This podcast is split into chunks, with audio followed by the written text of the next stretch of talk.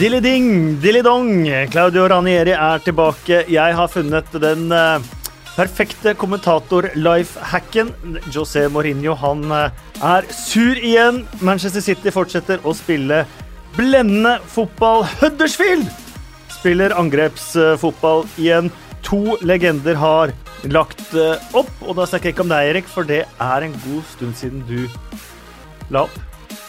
Det er bare fornavnet. Ja.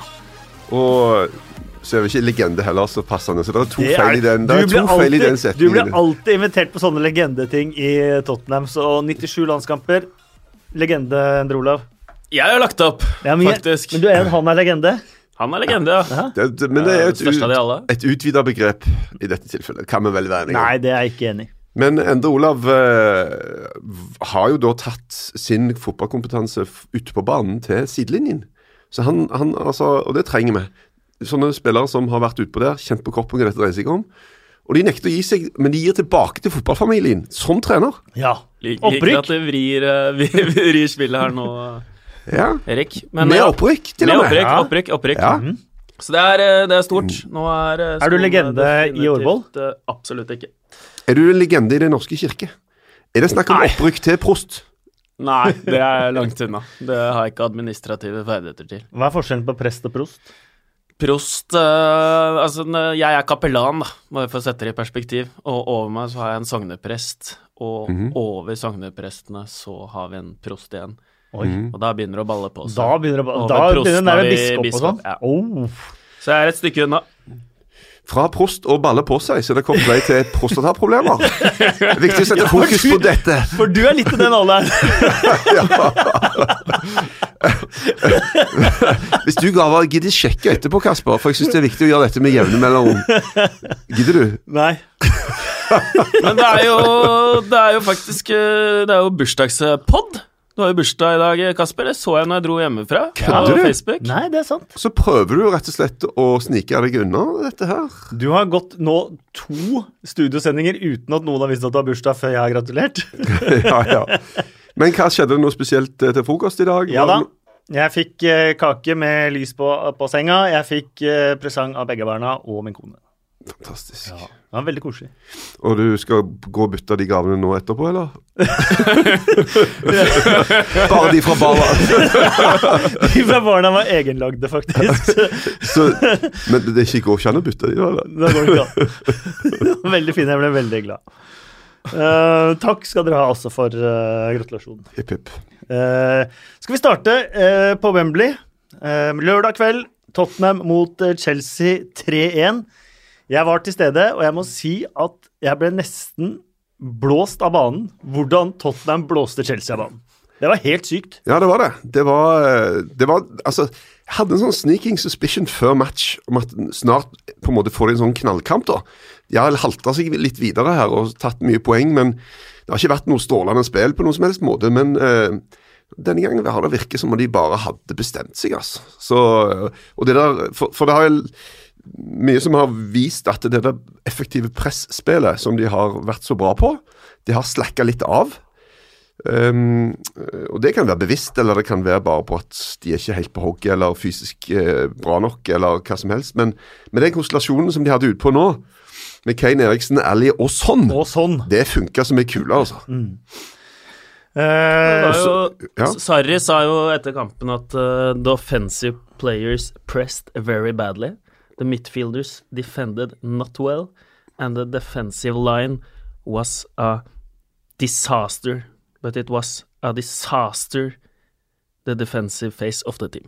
Det Ja. oppsummerer vel noe. Uh, ja, uh, men uh, Disaster. som Om eget lag der. Den er sterk, den. Men vi sier som Jakob Vi har fått en tweet fra Jakob Helgesen her. Eh, han beskylder TV2-studio her også, det har jeg ingen formening om, for den så jeg ikke. Eh, med Match of the Day, BBC Football Daily, The Guardian Football Weekly, alle fokuserer på hvor dårlig David Luiz og Chelsea var. Hadde vært fint med fokus på prestasjonen til Tottenham. Eh, må jo si at dette var en taktisk triumf, en terningkast seks fra Pochettino. Ja, ja, definitivt. Det, det er alt bare, bare satt, og, og må vi gjerne begynne å revurdere Sissoko òg. Ja, Som for plutselig lengst. spiller bra, altså.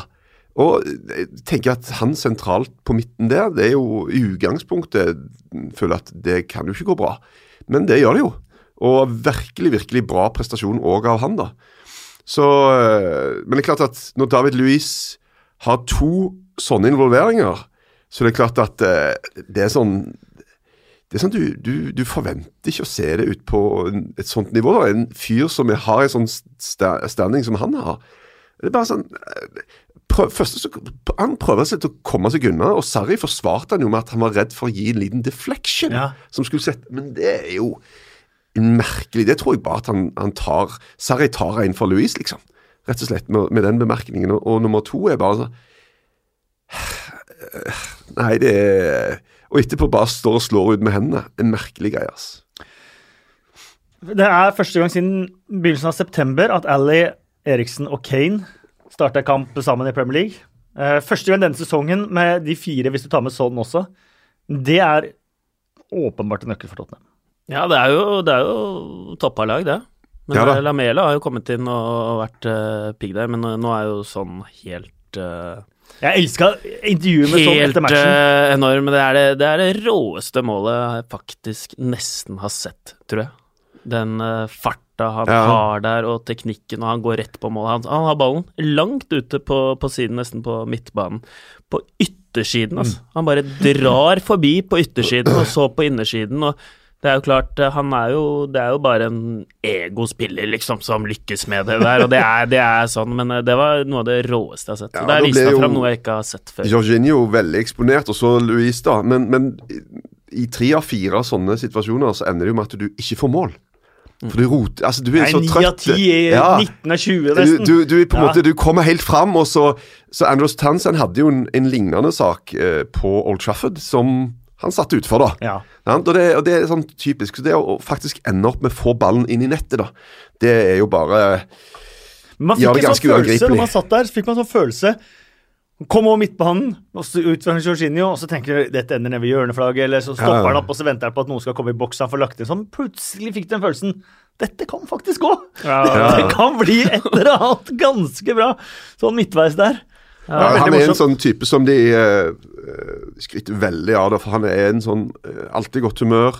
Alltid bra mot de som er på en måte rundt laget. Du vet at det er alltid mange som trekker i spillerne òg når det er internt. Så du skal lage Spurs TV, du skal gjøre ditt, responsorgreier, det er sånn og sånn og sånn. Sånn er alltid med med et smil. Sånn og sånn og sånn. Sånn er alltid med. med. Ja, ja faktisk. Eh, så, mens det klart det er andre som Ok, de gjør det, men de gjør det ikke akkurat eh, med en positiv energi.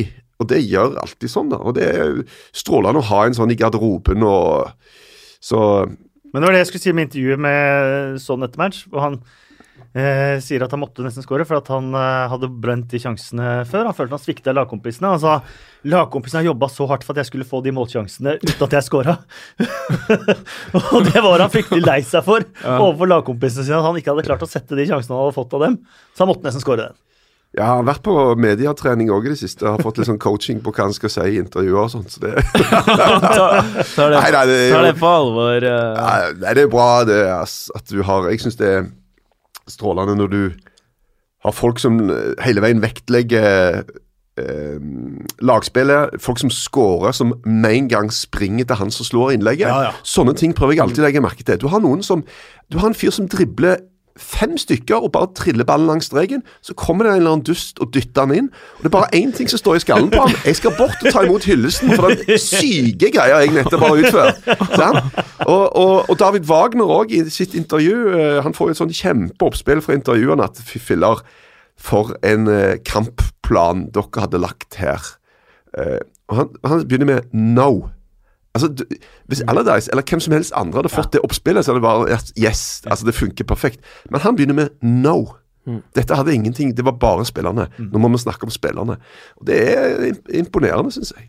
Vi må snakke litt om spørsmålet fra Rikard eh, Nyquist eh, også, som var eh, veldig godt. Eh, lag i Serie A må jo ha funnet ut av Sar- Sarris taktikk på samme måten som Everton og Spurs har gjort det ved å stenge Jorginho. Dette er til deg, Endre Olav. Hadde han en plan B i Napoli, eller hadde han andre bedre spillere rundt Jorginho der? Han jo eh, Han fikk jo jobba eh, lenger med, med det laget, så han hadde jo flere, flere spillere rundt han. Uh, Hamskik, eh, blant annet. Og Allan kanskje bedre enn f.eks. Kanté som ballspillere, Ja. hvis, og som ville ha ball hvis man eh, Hvis man tok ut Jorginho. Han har jo vært veldig åpen på det i, i Chelsea, at uh, det er liksom Jorginho som skal, skal komme inn her, og så skal han lære de andre uh, hvordan uh, Sarriball er, da. Så er han nøkkelen til det i en sånn uh, innkjøringsfase. Og når han Jeg har alltid tenkt at Chelsea blir jo bare bedre og bedre og bedre. Eh, men når man da tar ut eh, nøkkelen da, eh, for at de skal lære seg måten å spille på, så Sarri sa det jo selv, liksom. Han så etter fem minutter at det her var kjørt. Den eneste måten de kunne flytte ballen på, var fra motstatt stopper og til back, liksom. Mm. Uh, fritt, fordi uh, Jorginho var, var låst da. Så Jorginho har jo gått fra å være den som har mest pasninger i Europa, til å være langt ned på lista i Chelsea. Og de som har jo ballen mest, er jo Rudiger og David Luiz. De holder på bak der, så finner de ikke nøkkelen framover. Og, og greia er at Jorginho har jo nesten ingenting annet å spille på. Vi så det med, med målet til Son, som jeg nettopp nevnte. Han har jo han, han er jo ikke på en måte en, kan jo ikke plutselig gå fra å, til å være en boks-til-boks-spiller. Men vi hadde jo en liten utregning på hvor skal målet komme fra i Chelsea, da. Når du spiller med Kovacic, Kanté og Jorginho, så skårer de ingen mål. Altså, Jorginho har jo et, en skåring denne sesongen, men det er en straffe. Kanté skåra i første match, og siden har det ikke vært en dritt. Kovacic har nå skåret ett mål på 84 kamper. Så, det, så det er liksom Du legger et enormt press, så har du heller ikke en spiss som, som skårer masse mål. Eh, du kan jo veksle der eh, på topp med de to eh, som de har, men det er ingen av de Altså, Giroud skårer jo faktisk mer når han kommer innpå, da. Eh, men da legger de jo mye press på Sevilla og Azar. Eller, eller bekkene som må komme opp der. Så, så det er jo et problem. At de, så kan du hive eh, han eh, Pedro Nei, ja, også han vår venn fra, eh, fra Everton, som jo har Ross Barkley, ja. Ross Barkley. Som, som jo skårer litt mer mål, da. Men han har jo litt suspekt i andre deler av spillet sitt. Så det er faktisk litt sånn Det er feil å sitte her når de har tapt én match, da. Tapt Mm. én kamp! Så skal vi bare hogge hodet over hele prosjektet. Men de har noen fundamentale problemer som har blitt ganske Og hva kan du gjøre med Jorginho, da? Kan du bytte han ut med Fabregas? Ja, ok, eller- Du får kanskje et litt større register, da. Sette Kanté i den posisjonen for han faktisk er best. Det er det jeg tenker at Men da, må finne da gjør de om på absolutt alt. Altså, Det blir altså, noe helt annet, altså. ja, de, de har på en måte bygd laget rundt uh, Jorginho, så nå er det sårbart. Han sa det var to ting da de ble tatt på senga. Det var at Jorginho ble låst av, og så var det at de kom uh, i 4-3-1-2. Og det, her, det var han overrasket over. Den så han Ja. ikke komme. Men du kan ikke bli tatt på senga til tar ut Jorginho når Richarlison og Sigurdsson tok Jorginho ut av matchen i 90 minutter, og så gjør Son og Dele Alli nøyaktig det samme som de to Everton-spillerne Ja, gjør. De bare er- ligger og skjermer foran han når de skal spille opp. Akkurat nå er nok det måten å stoppe Chelsea på. Ja, men, finne eh, en uh, men det kommer, det kommer. ikke? Men han trenger jo litt tid med det laget her, for han spiller jo på sin egen måte. Ja. Men da, altså, hvis du setter Kanté i den rollen der, så kan ikke Jorginho spille. Altså, Da kan ikke han være med. Da kan du bare gravlegge det Men går- prosjektet. men Han kan ikke spille, en, han men kan ikke spille spille- indreløper, han. Nei, men Går det med å spille to dype, da? Går det? Jorginho Ja. og Kanté ved siden av hverandre? Ja, men da er det plutselig et helt annet type Chelsea, da. Altså Grunnen til at han spiller der og spiller så sykt mye pasninger, at de har jo en sånn greie med de spiller masse kortpasninger. Bang, bang, bang. Så trekker de folk inn, og så snur de det. Sant? Så de har en sånn vold... Det er derfor han Ja. ligger så høyt, da, for mange av disse pasningene er jo ikke det er jo ingenting. Pasningene gjør jo ikke en dritt, bortsett fra at det, det endrer et eller annet med det andre laget. Det trekker folk inn og skaper rom andre plasser, som de da plutselig utnytter med å flytte ballen et annet sted. da. Eh, Men, men da blir det jo eh, Da må du tilbake til tegnebrettet, altså. Tilbake til tegnebrettet for ja. Sarri. Jeg skal også bare nevne En Ngolo Kanté som eh, underskrev en ny eh, kontrakt. Så gjør han til antageligvis Chelseas eh, beste spiller. Men, Beste spiller? Nei, ok, okay. så det er lønna det er som nå bestemmer hvem som er best? Ja. Ok, da er du Best i dette rommet, Kasper. Det er i hvert helt klart. Det er helt uten diskusjon engang. Um, men uh, det som skal sies, er at han ikke tar imot lønna si via offshoreselskap, sånn som de aller fleste i Premier League. Så han betaler en kjempeprosent av lønna si i skatt. I vanlig skatt. Prosentsats i skatt. Og jeg så en sak på at han betaler mer enn både Amazon og Starbucks i skatt. Eh, Men hvorfor det? Er det et bevisst valg, eller Det er et bevisst valg. lite Ja, det er et bevisst valg, for han ikke vil ta imot lønn via offshoreselskap, sånn som de aller fleste andre Premier League-spillere gjør. Og det syns jeg burde hylles. Jeg ser at du rynker på panna for det. Jeg hyller det, så får dere rynke panna. Uh, mens vi skal det er litt hylle stort. Det er jo stort, det. da. Jeg syns det er enormt, det. Uh, mens vi skal hylle Joe Cole og Didier Drogba, som har lagt opp. Uh, Joe Cole, 56 landskamper, 10 mål for England. Over 300 Premier League-kamper til sammen for Westham og Chelsea. Kåret til årets spiller både i Westham og Chelsea. Vunnet Premier League tre ganger og FA-cupen to ganger. Joe Cole fikk en litt sånn avslutning på karrieren, og det gikk nedover fra Liverpool og sånt noe. Men for en enorm spiller han var. Joe Cole er kanskje en av favorittspillerne mine, måten han uh, dribla på. Altså, det, det, er, det er uh, sjelden man ser så gode driblere da, i dag.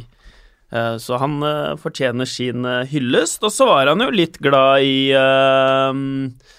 sirkuset rundt òg.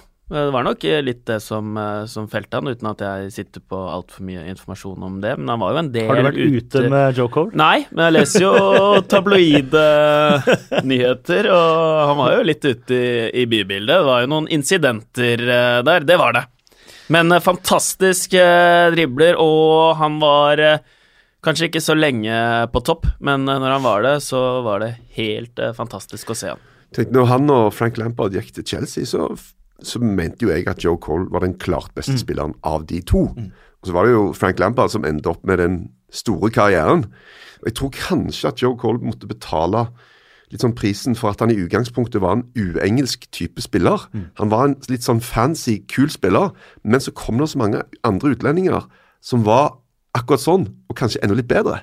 Så fra å være sånn wow, se på han, da, og så plutselig så bare strømmer det på mm. med sånne type spillere. Min tidligere lagkamerat i, i Årvoll, Stian Don Christoffersen, han, han, spilte jo mot Joe Cole på, på Yngres landslag, og han sa det var det sjukeste han hadde sett. Didier eh, Drogba han uh, endte opp med 164 mål totalt for uh, Chelsea. Den fjerde mestskårende i klubben. Årets lag i Premier League to ganger. Årets spiller. Toppskårer i Premier League to ganger. Vant Premier League fire ganger. Banens beste Champions League-finalen som de vant i 2012, og fire mål i FA Cup-finaler.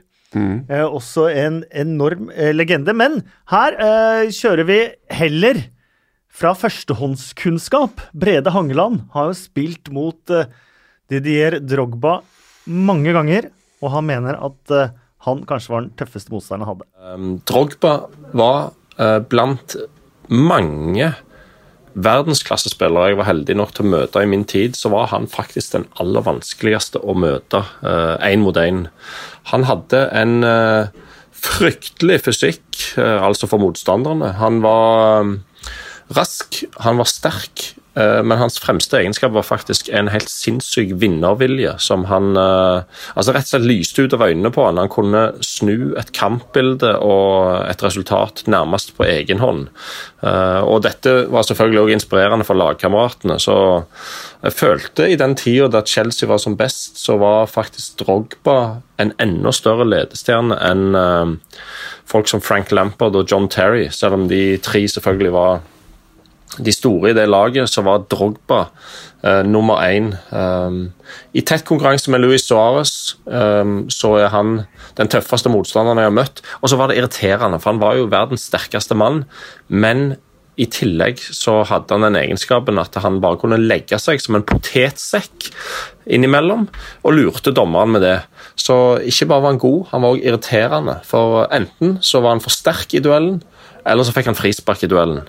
Eh, men vi må jo være, eh, legge godviljen til på, på, en dag som denne, når han har lagt opp, og si eh, til lykke med en fantastisk karriere. Midtstoppere verden over puster letta ut når de slipper å møte Drogba. Han var enorm, Drogba. Ja, og særlig god i store matcher. Men så hadde han jo òg enkelte sesonger der han var ganske ineffektiv. Der det på en måte ikke var Der han liksom sleit litt og Klart at Han var jo en sånn type spiller som er veldig fysisk. Og hvis du er litt ute av form, så syns det ganske fort, da. Men jeg, det jeg husker best med Drogba, er sånn bilde fra en sånn oppvarming. Han bare løper og jogger litt langs banen der for å bli varm, og så ligger det en ball der. Så gjør han bare et eller annet sykt med den ballen. Jeg bare sånn, what? Du forventer ikke det av en sånn fyr som er du vant med å se liksom knuse folk i lufta og være sånn rå fysisk. Så har de i tillegg sånne enormt repertoar rent teknisk. da. Så Nei, han er jo eh, altså, sånn en Chelsea-legende at det er nesten ingen over. Det, det som er med begge de to, er de er jo vanvittig glad i uh, Mourinho. Jeg bare legger den ut der i disse uh, kritiske Mourinho-tider. Men begge de to her har liksom trukket fram Mourinho som uh, veldig, veldig spesiell, da.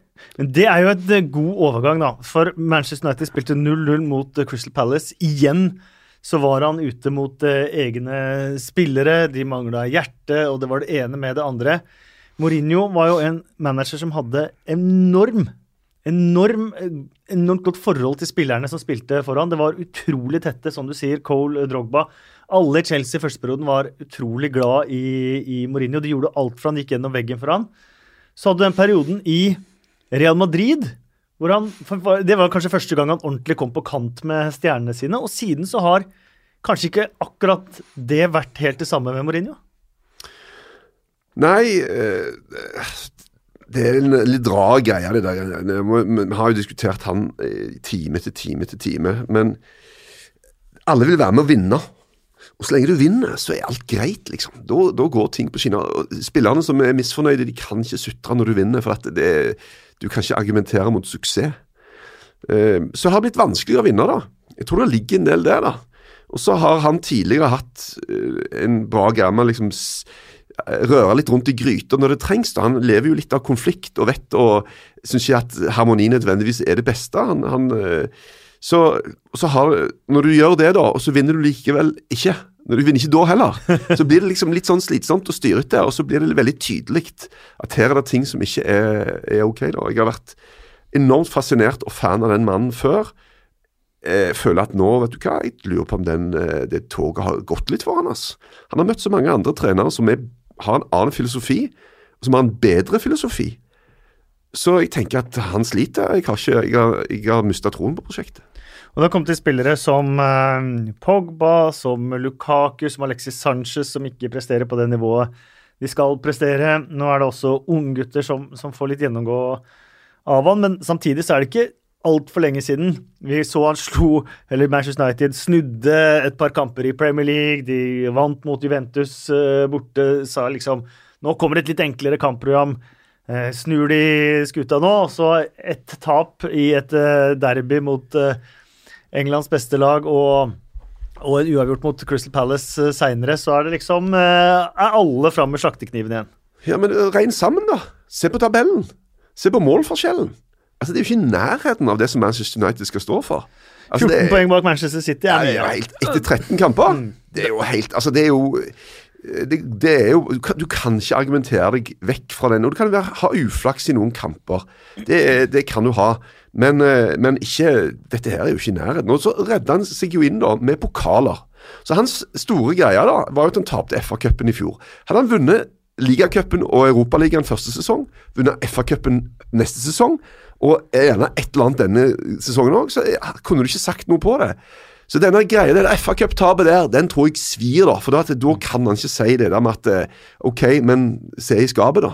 Så, for, for så lenge da, du presterer på det nivået der, og ikke vinner i tillegg, noe et eller annet i hvert fall, så er du sjakkmatt, altså. Da er du bare Det er så sabla tydelig, det enorme havet som er mellom deg og de andre lagene.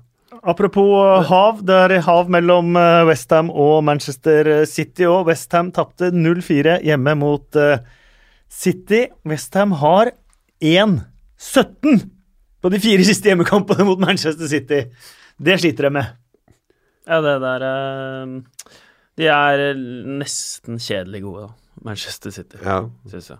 De uh, De gadd ikke feire eh, 4-0-skåring engang. Det var liksom bare sånn jeg, åh, Ja. Jeg skåra et til, sorry.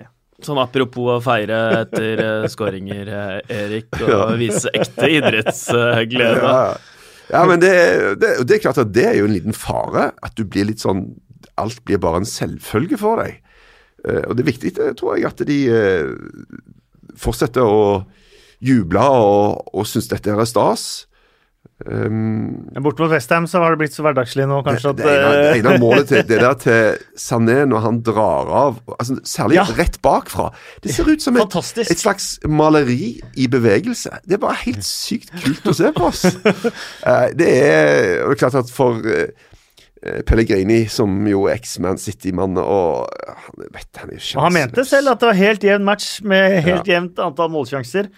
Eh, Det var bare effektiviteten som var eh, forskjell. Nå setter jeg det litt på spissen, men eh, Da kan vi gå inn og sjekke expected goals, da. Så kan vi se hva som står der.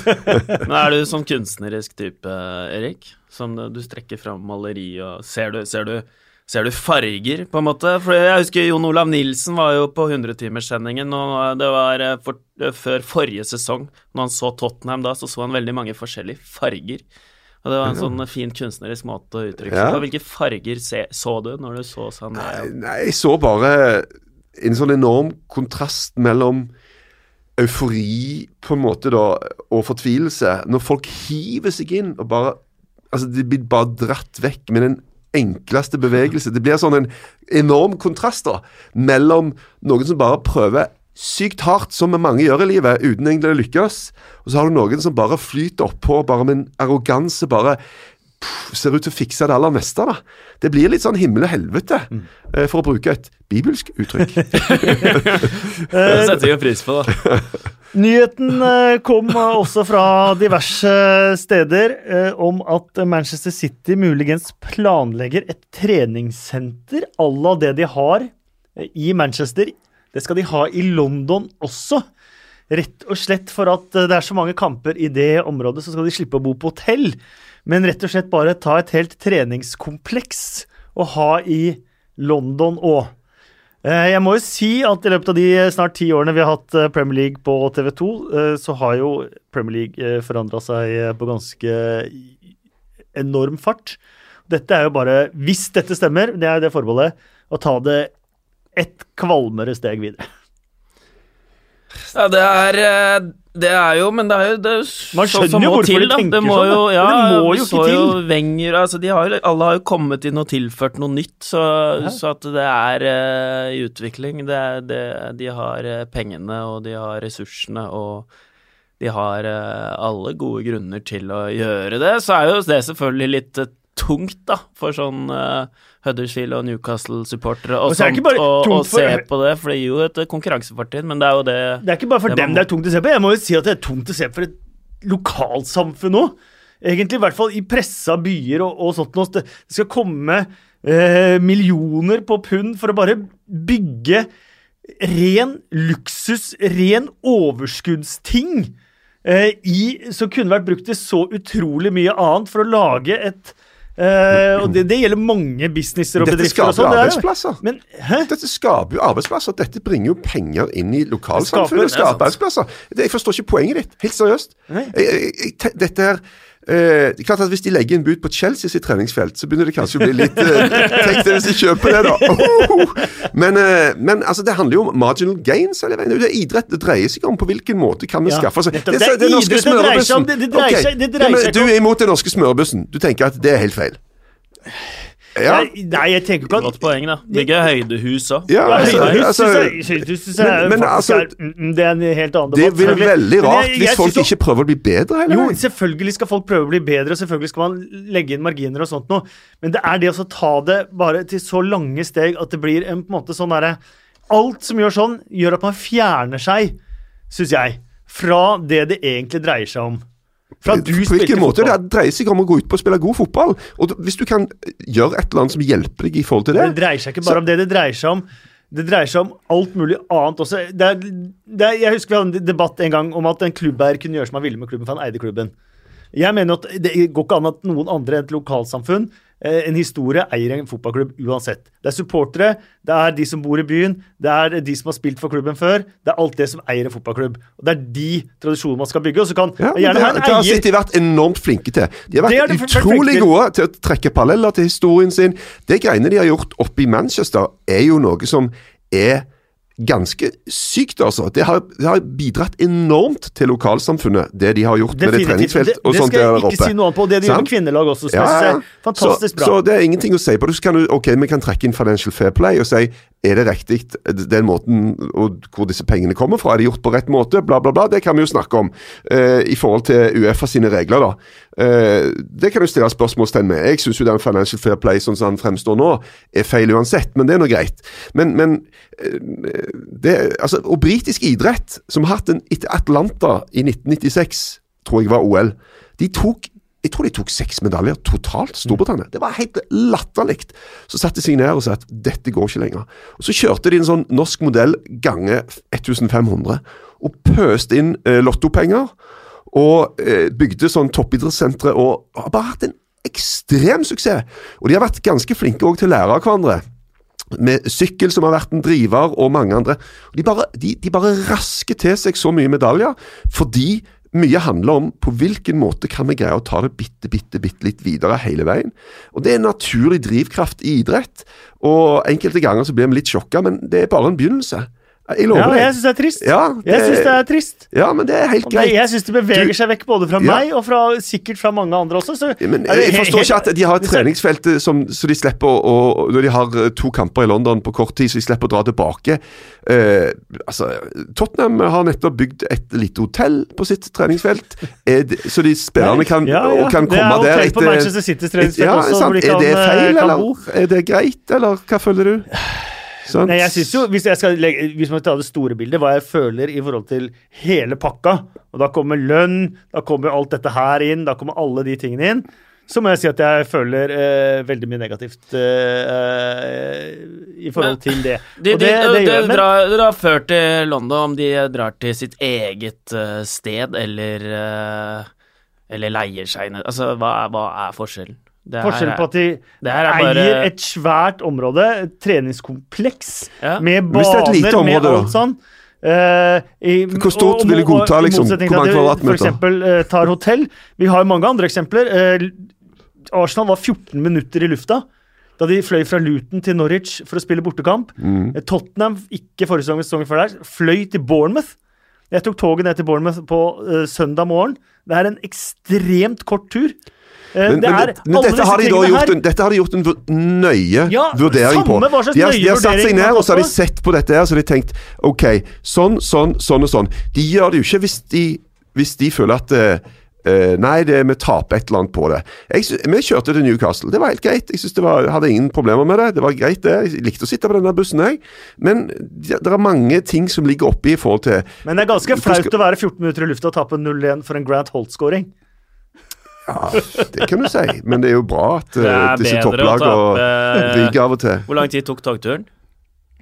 Togturen eh, opp dit tar to timer maks. Ja, det er bedre å tappe 1-0 etter 14 minutters eh, flytur enn uh, en rolig togtur, mener jeg. Det Ok. mye, mye Ja, men dette, må, dette blir en egen, egen podkast. Det gjør tydeligvis eh, Det blir ikke enig i Du er sånn fall. skikkelig old school, du. Nei, jeg er ikke old... Jo, jeg, jeg er jo glad i Jeg hater forandring. jeg er glad i det Nei, men, men det, det, du, det du sier, er jo på mange måter sånn akt... Altså, jeg, altså, det er jo en, en hyllest, også, en det- hyllest til, til Og jeg syns jo eh, jeg synes når, når Norge er så dominerende i langrenn som de er i utgangspunktet i forhold til talent og masse sånt, så skal du i tillegg ha det klokkeklart beste smøreteamet. Da tenker jeg, hadde det ikke vært bedre for den sporten hvis alle hadde tilgang til de samme skia? Altså, Da hadde du i hvert fall jevna ut noen noe greier. I tillegg, For det første skal du være best til å gå på ski, og i tillegg skal du ha de beste skia. Så, så det tenker jeg hmm, Ja, men da, da er det først og fremst på grunn av at da tenker jeg at da dreper Norge langrennssporten. Fordi de blir for suverene. Og Når de andre er sjanseløse på å vinne, så mister de interessen rundt omkring i Europa.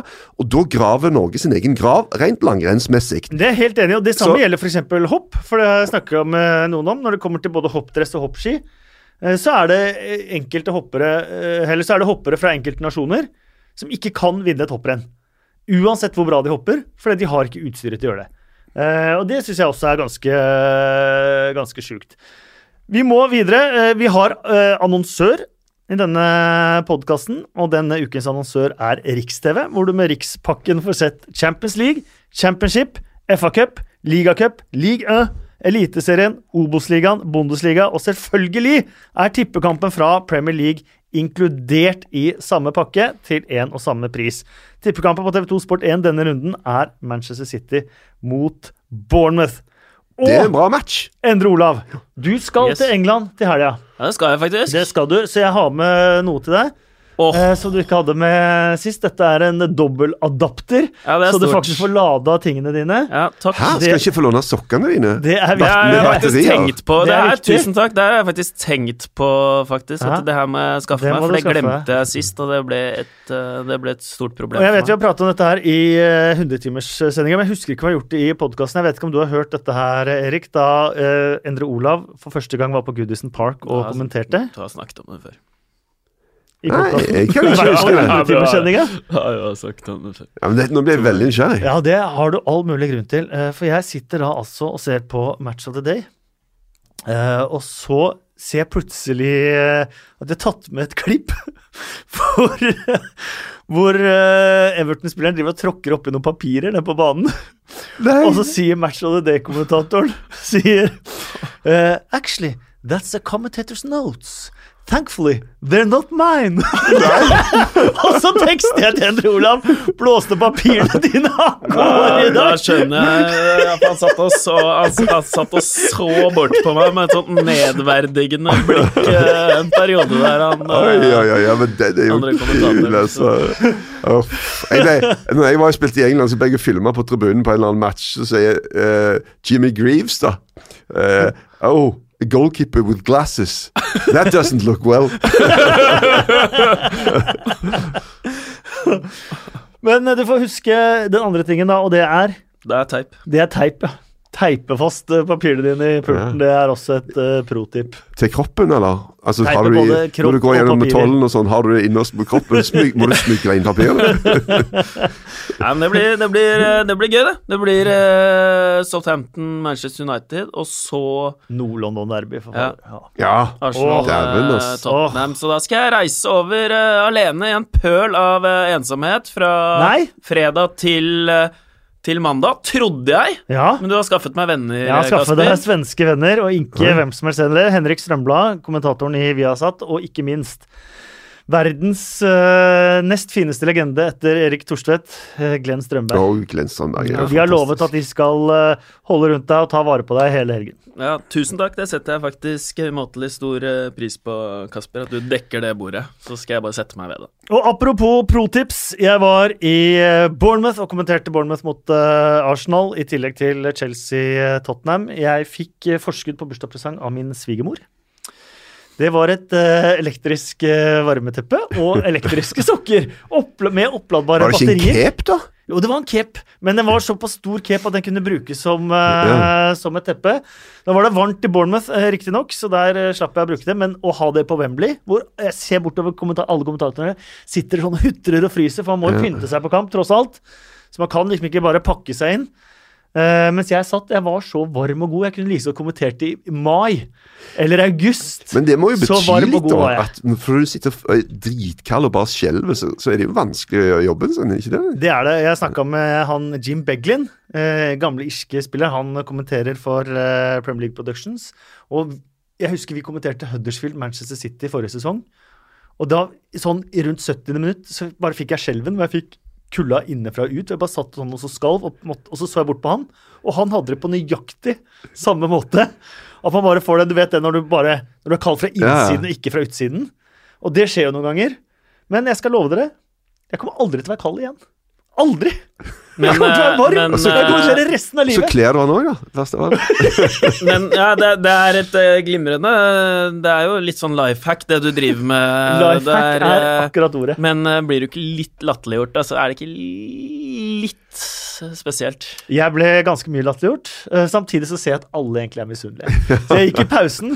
Så da jeg skulle gå og hente kaffe og gå på toalettet i pausen, så bare gikk jeg forbi de andre og så jeg bare Kjenn på ryggen min.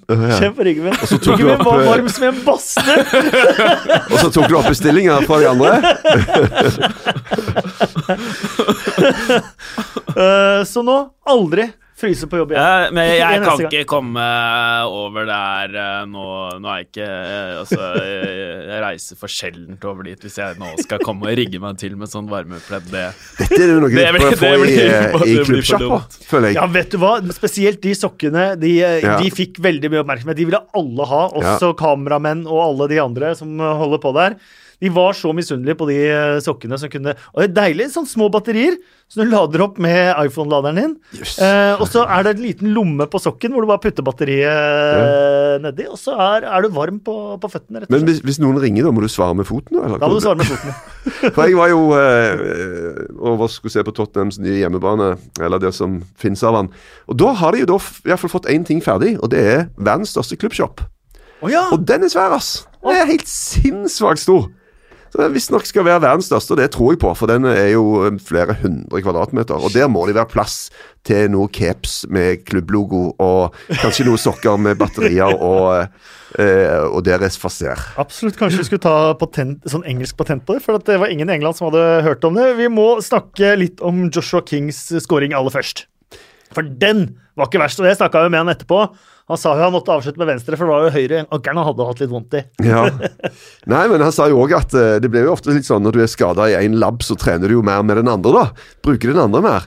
Så det tror jeg jo faktisk eh, egentlig kan være eh, Det er jo en del som er dårlig med enefoten og blir tvunget av faren eller et eller annet til å bare bruke den andre. Jeg tror Morten Gams Pedersen faktisk var høyrefota. Mm, og så fant han ut at det er lettere å slå gjennom eller få plass på laget hvis du er venstrefota. Mm. Så da la han om.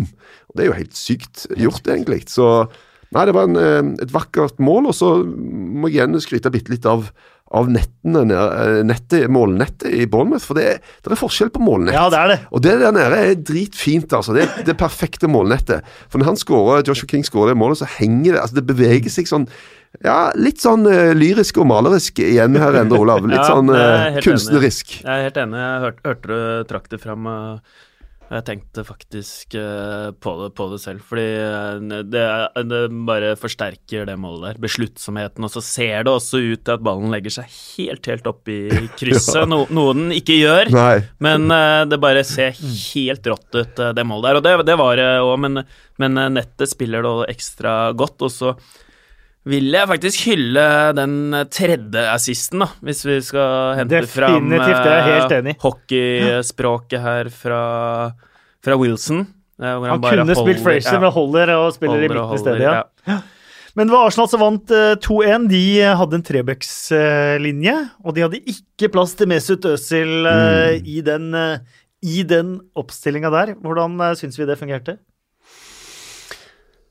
F- sånn som Arsenal har fungert hele sesongen, egentlig. Uh, sliter litt. Uh, ikke det store i første omgang, og så har de nok offensiv kraft til å få akkurat de målene de, de trenger. da. Så Men det forundrer meg at, at Øzil ikke var utpå, men Jeg vil gjerne ha Øzil der. Ja, ja. Altså, Det- han har jo hatt noen kamper denne sesongen som har vært aldeles strålende, og så har han hatt noen kamper han har blitt bytta ut og vært nødt til å sitte på benken òg. Men Kanskje er Emery det viser ingen nåde her, da. Nei, kanskje det er en bra ting at ikke han skal tro at uh, uansett hva jeg holder på med, og hvordan jeg ser ut, så, så spiller jeg, liksom.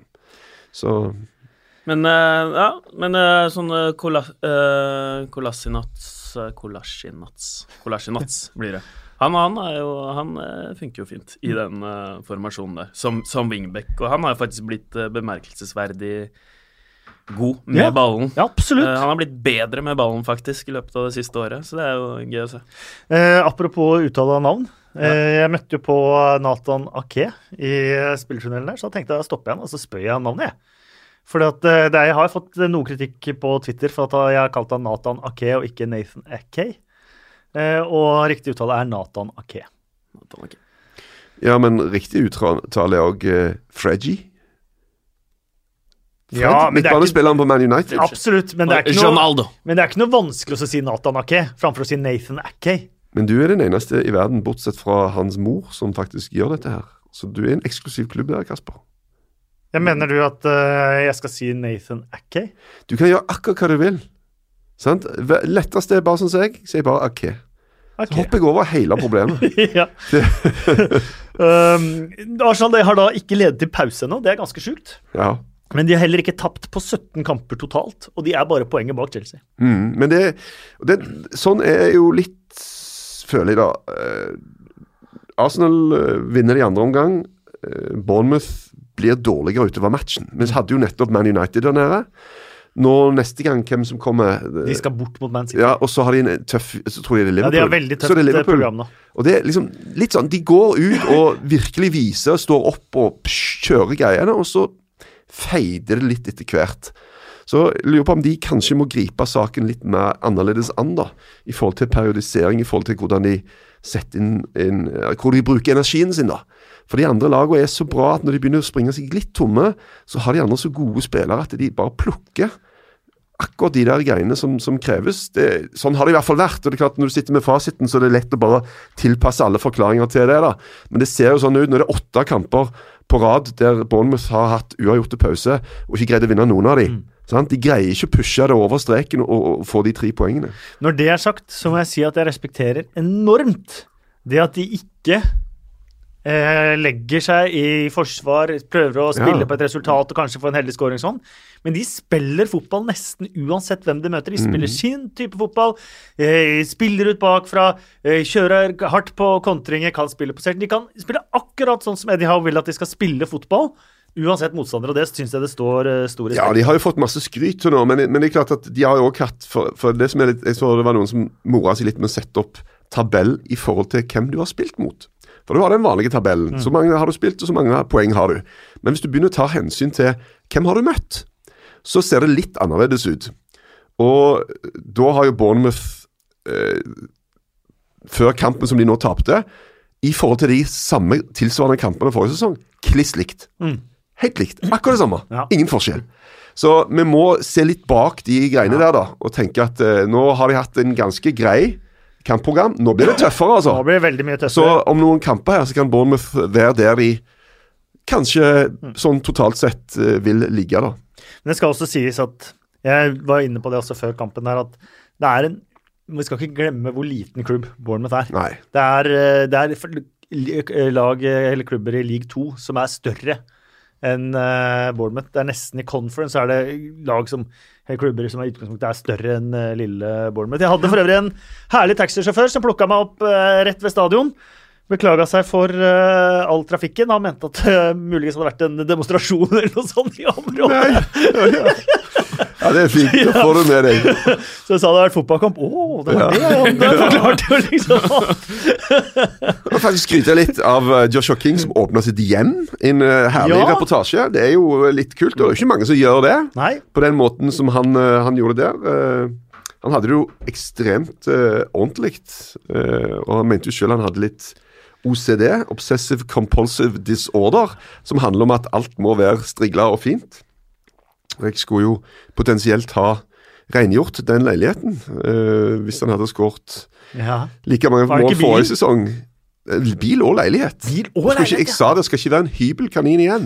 Og Det tror jeg ikke det er i utgangspunktet heller, den leiligheten, for den så strigla ut, altså. Så nei, men det var fint å få slippe den der. Watford 0, Liverpool 3. Liverpool eh, tålmodige er vel eh, egentlig nøkkelordet her. Fortsett å spille og fortsett å spille helt til målene begynte å renne inn. Ja. Ser De- utrolig sterke ut. Ja.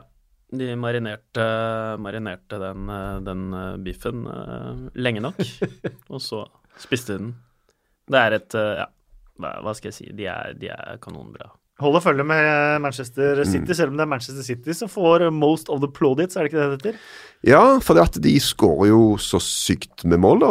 Liverpool og Man City slipper vel inn akkurat det samme. Det er vel fem innslupne begge to. Men det, det, det kommer òg en sånn greie sånn Folk som morer seg med så mye rart. eh, Og det er jo hvordan gjør lagene det etter landslagspausen? Nå er jo det sånn, og det var jo Liverpool gjør det ganske dårlig, og Watford gjør det veldig bra. Så i utgangspunktet var jo dette et eh, skikkelig eh, bananskall for eh, potensielt for Liverpool. Så det er en vanskelig match som de fikser greit. Men Og kanskje så får de Henderson utvist, da. Det er jo det eneste, men det fikser de. De har nok av midtbanespillere å ta av. Men det hadde kanskje blitt annerledes hvis Will Hughes hadde fått straffe der. Ja, det hadde jo det, men, eh, men eh, det fikk han ikke. Og jeg har bare lyst til å løfte fram frisparket til, oh. til Alexander Arnold der, Trent. Mm. Det var faktisk helt sjukt. Og det er ikke tilfeldig eh, at han traff uh, tverrleggeren der. uh, du fikk med deg den? Når han begynte å krangle med um, Han krangla med Lingard, blant annet, på Det var en lands forrige landslagspause. Og så um, om, eh, om en incident da, eh, på feltet, og så nekta Ja, ja, ja. Lingard å ta den i hånda. Det var en og så sa video. bare lå ballen eh, på midtbanen, og så Du skal Jeg tar deg i hånda hvis du treffer tverrleggeren nå. Og så traff han tverrleggeren. Ja. Så fikk han uh, tatt uh, Lingard i hånda. Men uh, det er jo ikke tilfeldig det han gjør der. Det er så kalkulert, da, men de, det er jo litt sånn der Bare tilbake til den treningsfeltgreia til City. At det er jo detaljer som avgjør. De, måten de skritter opp på, og det er så kalkulert. Og det er et enormt frispark. Det er 100% David Beckham over det frisparket. Ja. Det er nøyaktig samme teknikk. 100% David Beckham og 20 Cristiano Ronaldo. Ja. Måten han skritter opp oppå der. Det er uh, Det er som høydehoppere ja, fin, som eh, teiper i bakken. Ja, og, helt så de skal løpe akkurat uh, der. Da veit de uh, hvor den ballen havner. Den tror jeg ikke jeg hadde holdt, altså. Vært nødt til å gitt corner. Hadde du det? Ja. Er det keepertabbe? Ikke keepertabbe, men jeg mener det går an å ta den. ja, Går an å ta alt? Går an å ta. Nei. Går an å ta skudd fra Nigel Clough òg. Men, eh, ja. men det går ikke an å ta alt. Hvis, du, hvis det er et skudd alt rett på deg, og du går ned, og så er det en sånn forsvar som hiver foten inn, Ta ballen, han okay, deflekter deflekt rett opp i krysset, det kan jeg love deg, den tar du ikke, ass. Greit. Nei, det er masse man ikke tar. Ja, du sa det nettopp, du går an å ta alt. Ja, men det er godt jeg. Når jeg sto i mål, så tenkte jeg alltid du, det går an å ta alt. Det går an å redde alt, men jeg har jo moderert meg bitte litt for det er enkelte sånne freaky situations. Men den der er et sykt bra frispark, men det er, ikke, det er jo ikke cleant i krysset, dette her. Han er sånn. Ja, det er en halvmeter å gå på begge veier. Så Men du hadde en ekstremt mentalitet da du, da du spilte på, på akkurat det der med, og, og med at alt kunne tas. Ja. Du, du klandra deg selv, når- klandra deg selv når du, når du slapp inn, hadde du ikke det? Ja, ja, selvfølgelig. Du klandrer jo deg sjøl når du så, Men det er jo sånn er jo, ved, altså, Faren med å være perfeksjonist er at jo du blir skuffa så mange Ja. ganger, da. Men hvis du legger lista veldig høyt, så, så, så, så godtar du ikke øh, noen ting slakk, da. Men som jeg sier, du må jo Du slipper jo inn mål uansett, da. Men øh, hva var styrken din som keeper? Styrke og svakhet. Kjapt. Mm, eh, svakhet tror jeg var eh, at jeg gjorde eh, vurderingsfeil med jevne mellomrom. Ting som går på avstandsbedømmelse, ting som går på Får han på første stolpe akkurat en liten flikk på denne, dette innlegget, eller ikke?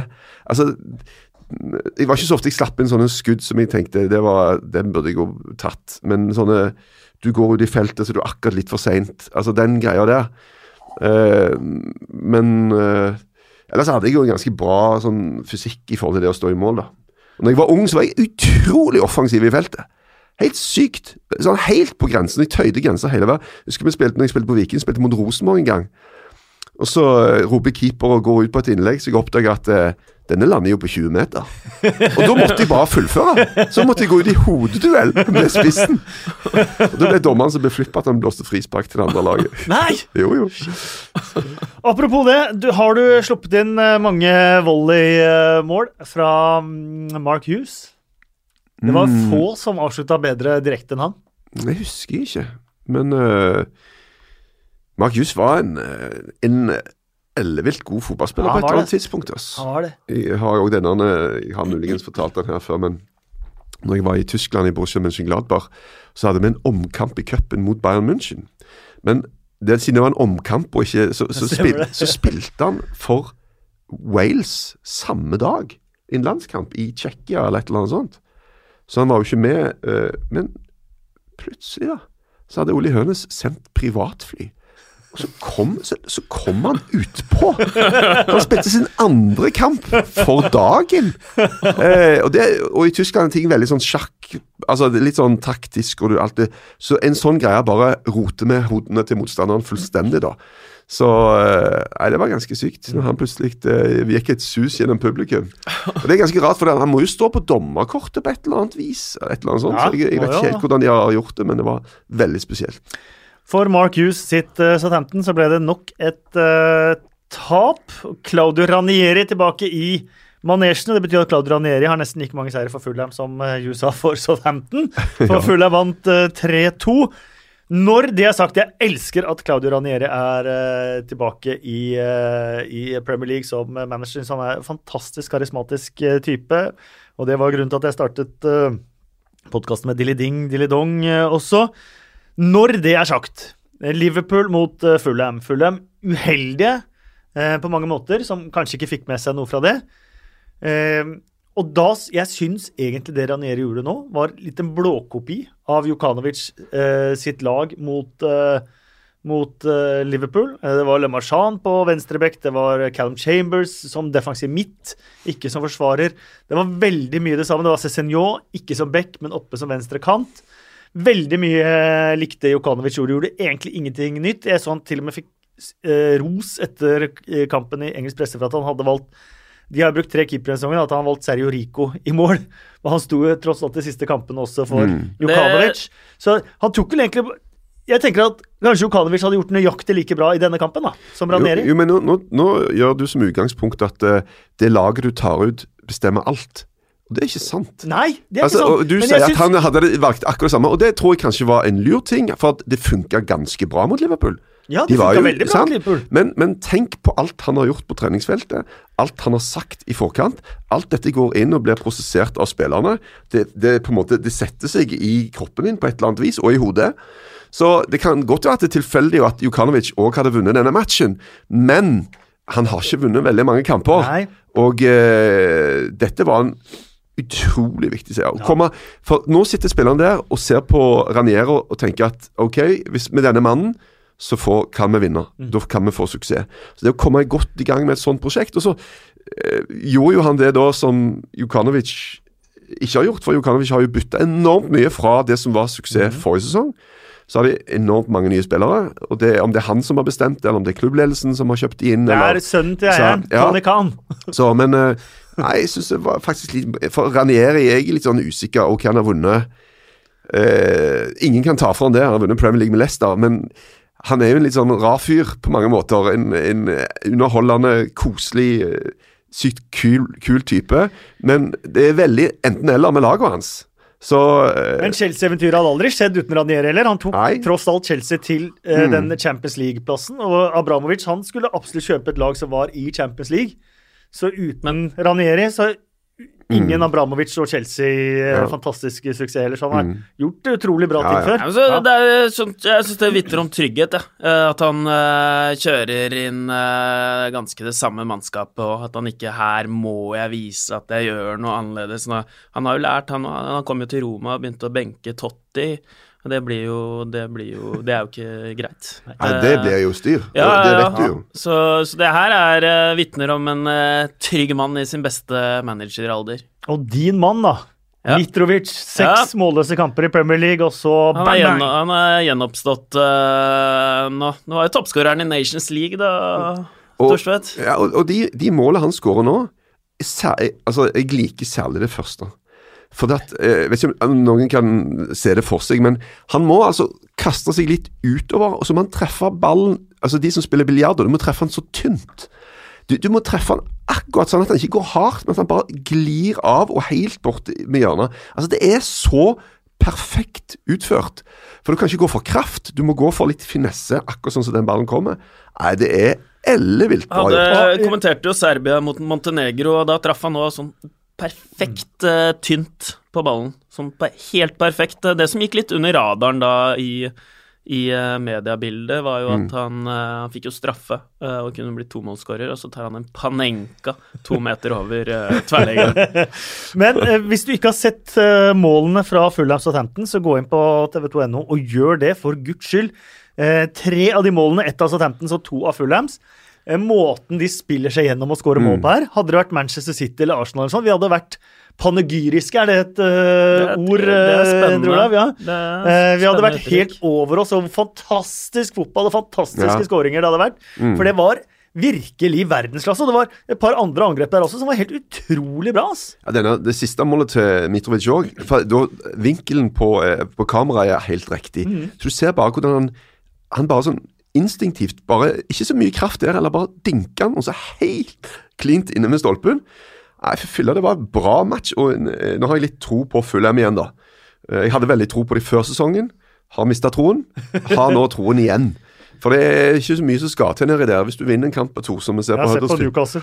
Det er, jo gøy, det er jo gøy med et lag som skårer mye og slipper inn mye. Men også Sengyon syns jeg skal få, få en liten, eh, et lite løft. Det var han som slo inn til Panegyrisk. Sitt mål, var det ikke det? Jo. jo. Panegyrisk. Ja, det, der, ja det, var det, det var det andre målet jeg mente. Den eh, Det var et bra ja, ord. Det er jo Raheem Sterling, eh, Sané, et eller annet, hvor Ja. Aguero avslutter, liksom. Det er jo Det sto en, eh, en eh, Eller det sto litt om en norsk artist som heter Astrid, tror jeg, i VG. I dag tidlig eh, leste jeg, eh, Kasper, der de siterte engelske aviser som hadde kalt den konserten for panegyrisk. Eller de, Der sto at det var panegyriske anmeldelser, tror jeg. Oh, ja. Jeg, tror, jeg, jeg tror du har lest den. Nei, det har, Jo, det det har jeg faktisk ikke. Vet du hva det betyr? og? Derfor henter du den fram nå. Vet du hva det det har planta seg i hjernebarken. Nei, jeg har faktisk ikke lest den saken. Vet du hva det betyr?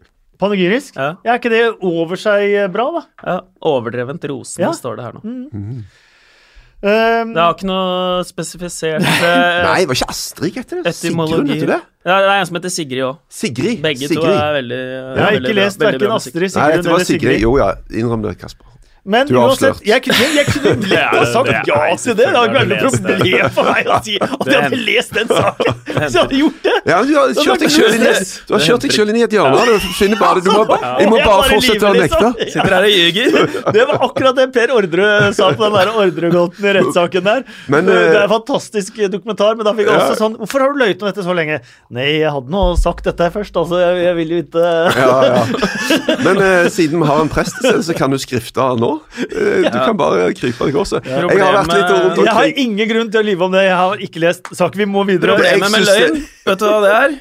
Det hørte jeg på en film. Eh, det var eh. Problemet med løgn det er at man murer seg opp inn Man brenner alle broer, og så murer man seg opp inn i et hjørne, og så må man gjøre veldig slemme ting for å komme seg ut av det. Ja, Jeg skal ikke gjøre slemme ting, og jeg har ikke murt meg til hjørnet. Og, Og jeg, jeg har har, jeg har bursdag i dag, så hva er greie? Jeg må ha vært i del i Italia en del rundt og sett på litt sånn uh, antikvitetsbutikker og sånn.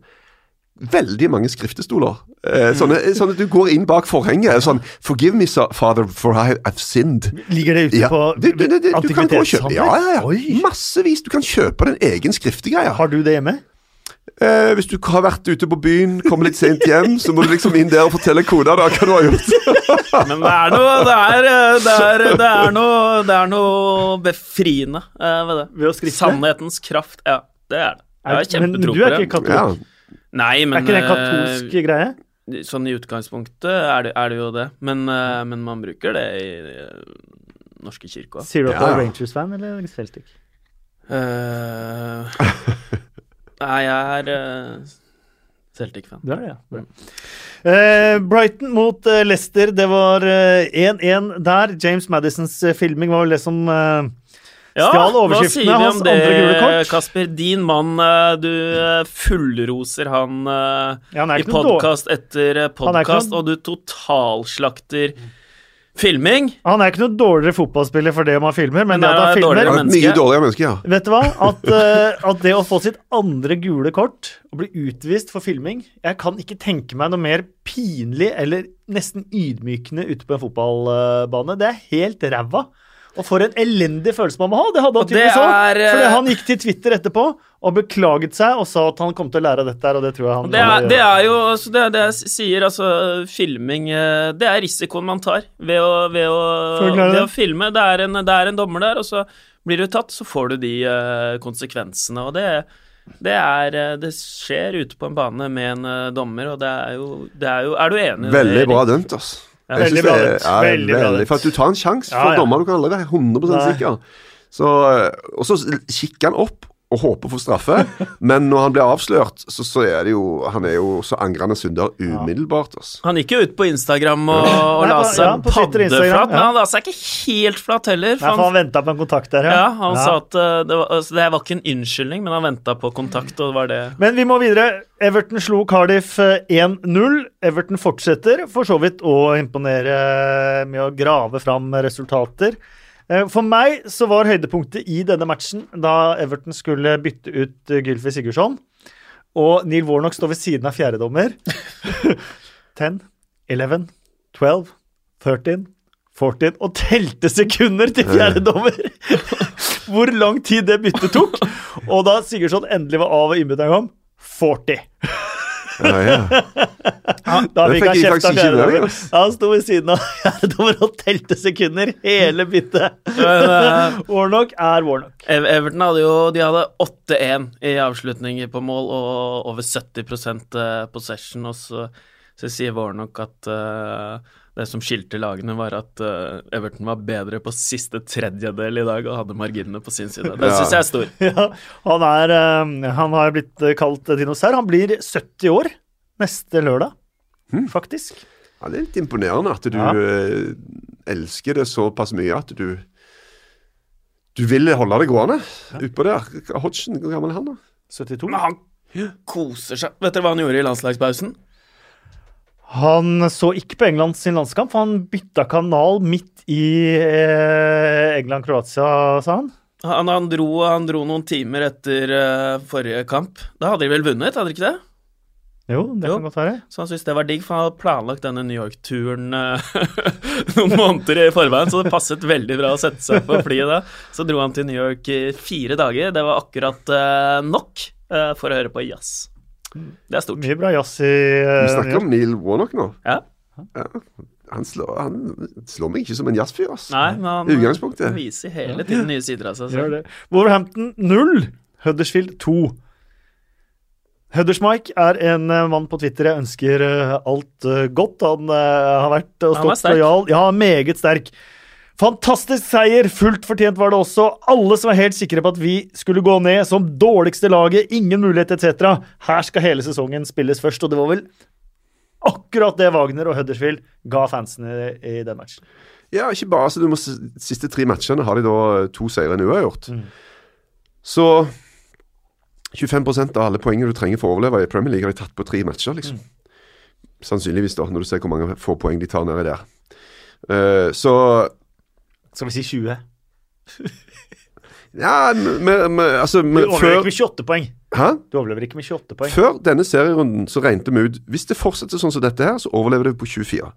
Ja, Det tror jeg ingenting på. 24 Nei. poeng. 24 poeng. Ja, men du gjør ikke det. Så med, med, jeg, jeg tippa før eh, Når vi satt i studio, jeg tipper 29. Eh, da sier jeg 33-34. Ja, da må ting bli veldig veldig annerledes. Du har spilt en tredjedel av Ja, Kasper. Du vet det det? vet jeg, men du vet jo også åssen resultatene blir den siste tredelen også. Ja, Nja, du vet ikke vi det. får nå se, da. Ja, vi Nei, altså, det er, en, det er jo et visst antall poeng som skal deles ut uansett. Ja, Så det, du avhenger jo av at en del av disse båndlagene spiller uavgjort mot hverandre, f.eks. Og så må de fortsette å tape mot topplaget, som de har gjort Mm. til nå, da. Men, men Huddersfield Det er imponerende med, med Wagner. Han har denne greiene at når alt ser helt håpløst ut så, Det gjorde han forrige sesong òg. Så fikk han inn i en liten steam som gjorde at de vant nok kamper. Og så drar de til Chelsea og de der syke scenene når de greide uavgjort der. Og, Borte nei, mot City òg. ja, ja. Først. Uff. Så, så det Og nå spiller de eh, bra, da. Eh, Wolverhampton var en katastrofe. Fullt fortjent seier til Huddersfield. Og hadde ikke trodd at de skulle eh, løse det så bra som de gjorde. Veldig bra. Hva har skjedd med Wolverhampton og Kasper? Det er ikke godt å si. De har jo hatt veldig heldige hatt en del kamper hvor de ikke har fått betalt. Ja, mot Det- Arsenal sist så var de jo Ja, det- drituflaks, da. De var jo Ja, de mye bedre enn Arsenal. Ja, de har uflaks i mange kamper, men de, har, de skårer jo ikke mål på sjansene sine. Og de har Dette ikke var spiss som skårer mål en, dette heller. var en grusom kamp, dette var en altså. grusom kamp, så det er, det er jo øh, sånn det noen ganger øh, blir. Ja, apropos å vinne Tre på rad. Vinne kamper, da. Plutselig er det tre på rad her for, eh, for Newcastle, og så er det Altså, de hadde jo ikke vunnet eh, Nei, det var veldig godt innspill. Uh, Så har de vunnet tre på rad nå, og det er ikke Mike- mer som skal til. Nå er de på 13.-plass. Ja, sitter Mike Ashley og tenker Jeg visste du trenger ikke bruke penger. Det går helt fint. ja, men det, det minner jo veldig mye om forrige sesong. Eh, Ja, Plutselig så er man eh, på en litt decent uh, tabellplassering. Og forrige sesong, forskjellen på 10.-plass og, og 16.-plass var jo egentlig ingenting. Nei. uh, Men, men det er en sånn styrke, da. For at det, når, du ta, når det går så dårlig, så kryper det jo inn en form for negativitet, en håpløshet, i en spillergruppe.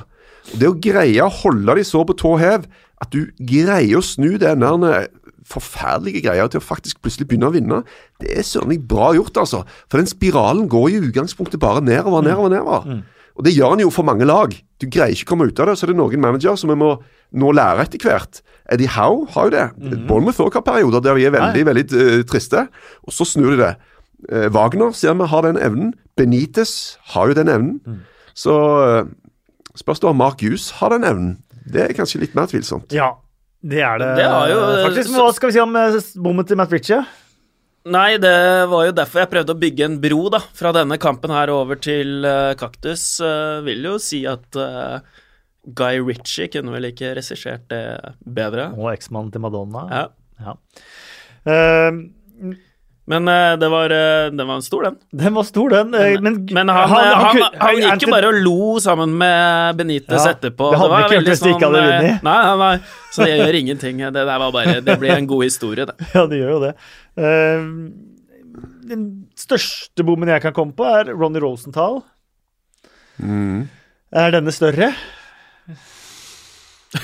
Mm. Jeg har sett mye verre mister enn det. altså. Jeg har et klipp på min PC av en australsk fotballspiller.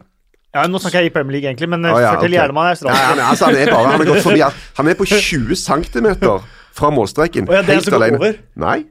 Han, han prøver å ta en liten eh, dans. Juhu! Og så snubler han i ballen og sparker han utover. Ja, det ser bare helt totalt absurd altså det, Uansett hva all verdens fotballspillere gjør i alle år framover, det, det, det er ikke mulig å få en større miss. Altså, det går ikke an. Da, da skal ballen være Da skal det være fem millimeter av ballen som ikke er inne, og så skal du bare gå rundt på andre sida og sparke den ut igjen. Altså, Da deler ut rundens blomst og, og etc. Det var moro å se på. Morata var kjempegod. Hva i all verden? Er. Han snakka ikke om seg sjæl, han snakka om dommeren. Rundens blomst, hvem skal uh, få den? Uh, B. Helgevik mener at det må komme til uh, Aaron Moy med sine to skåringer borte mot eh, Wolves. Og han er ikke alene med det. Halvard Berge Dal Galtvik mener det, mener det samme. Hva er grunnen til at Huddersfield rykka opp? Hva er grunnen til at de holdt seg sist sesong? Og kan fort være grunnen til at de holder seg i år. Herlig kreativ spiller. Det er vel kanskje litt uh, Altså, jeg elsker Aaron Moy, men det er flere spillere på det laget der. Hæ, hvem? Uh, Billing. Uh, Billing hadde en fantastisk ja, kamp, og den redningen bra. på streken er Ja, ja. nesten blomsterverdig i seg selv. Men jeg, jeg vil jo på en måte Jeg vil gi det til Wagner, bare pga. måten han har greid å holde troen og få laget til å komme tilbake. Og eh, intervjuet etterpå, der han bare nuller seg sjøl og bare hyller spillerne. Det syns jeg er meget bra. Men uh, Aaron Moy kan være en bra representant for Huddersfield, han òg. Men det er Wagner. Jeg syns Wagner var godt uh, innspill, uh, Endre Olav. Ja, helt, uh, helt enig. Jeg syns Wagner er godt, og så syns jeg jo redningen til uh, Billing Billing var, eh, var Ja. Er det rundens eh, øyeblikk som vi kommer til? eh, Ja, ikke til- sant? Det er noe med det. Det er veld, veldig Huddersfield-fokus i Ja, det ble jo podkasten. plutselig det, da. Ja, Ja, men det, de fortjener jo det, herregud. ja. Eh, for Huddersfield-fans så er rundens kamp uansett den som eh, er med Huddersfield, og det er jo øyeblikk kan jo òg være Mitrovic sin eh, 3-2-skåring. Det kan det også. Som eh, et lag som var helt i dødens posisjon, og så nå ser opp og fram. Var det den første hjemmeseieren de har i år òg? Ja, de hadde én seier fra før. Ja, var ikke den borte? Ja, det er godt mulig. Men jeg syns også Det det, det blir en eh, sånn fjær i hatten til Hudders eh, Mike, fordi eh, han vil jeg si er veldig sympatisk fyr. For jeg har lagt merke til at han hører på de podkastene her, og så, og så sier han at uh, han har full forståelse for, for at vi ikke snakker mer om Huddersfield, pga. at det er en relativt liten klubb. Så det er jo også selvinnsikt, da, som er en, en dyd. Ja, det er klart. Eh, Men Så det er da- også en ting som Jeg holder selv med en eh, litt liten eh, klubb, og det, det er sånn at for en som holder med Huddersfield, så vil Huddersfield mot Wolverhampton til enhver tid være større enn f.eks. et Merceside-derby eller et Manchester-derby eller et Nord-London-derby. Helgens største kamp er den kampen hvor eh, laget ditt og laget du holder med, spiller åkke sånn. Og Ja. det må man ha en sånn felles respekt for.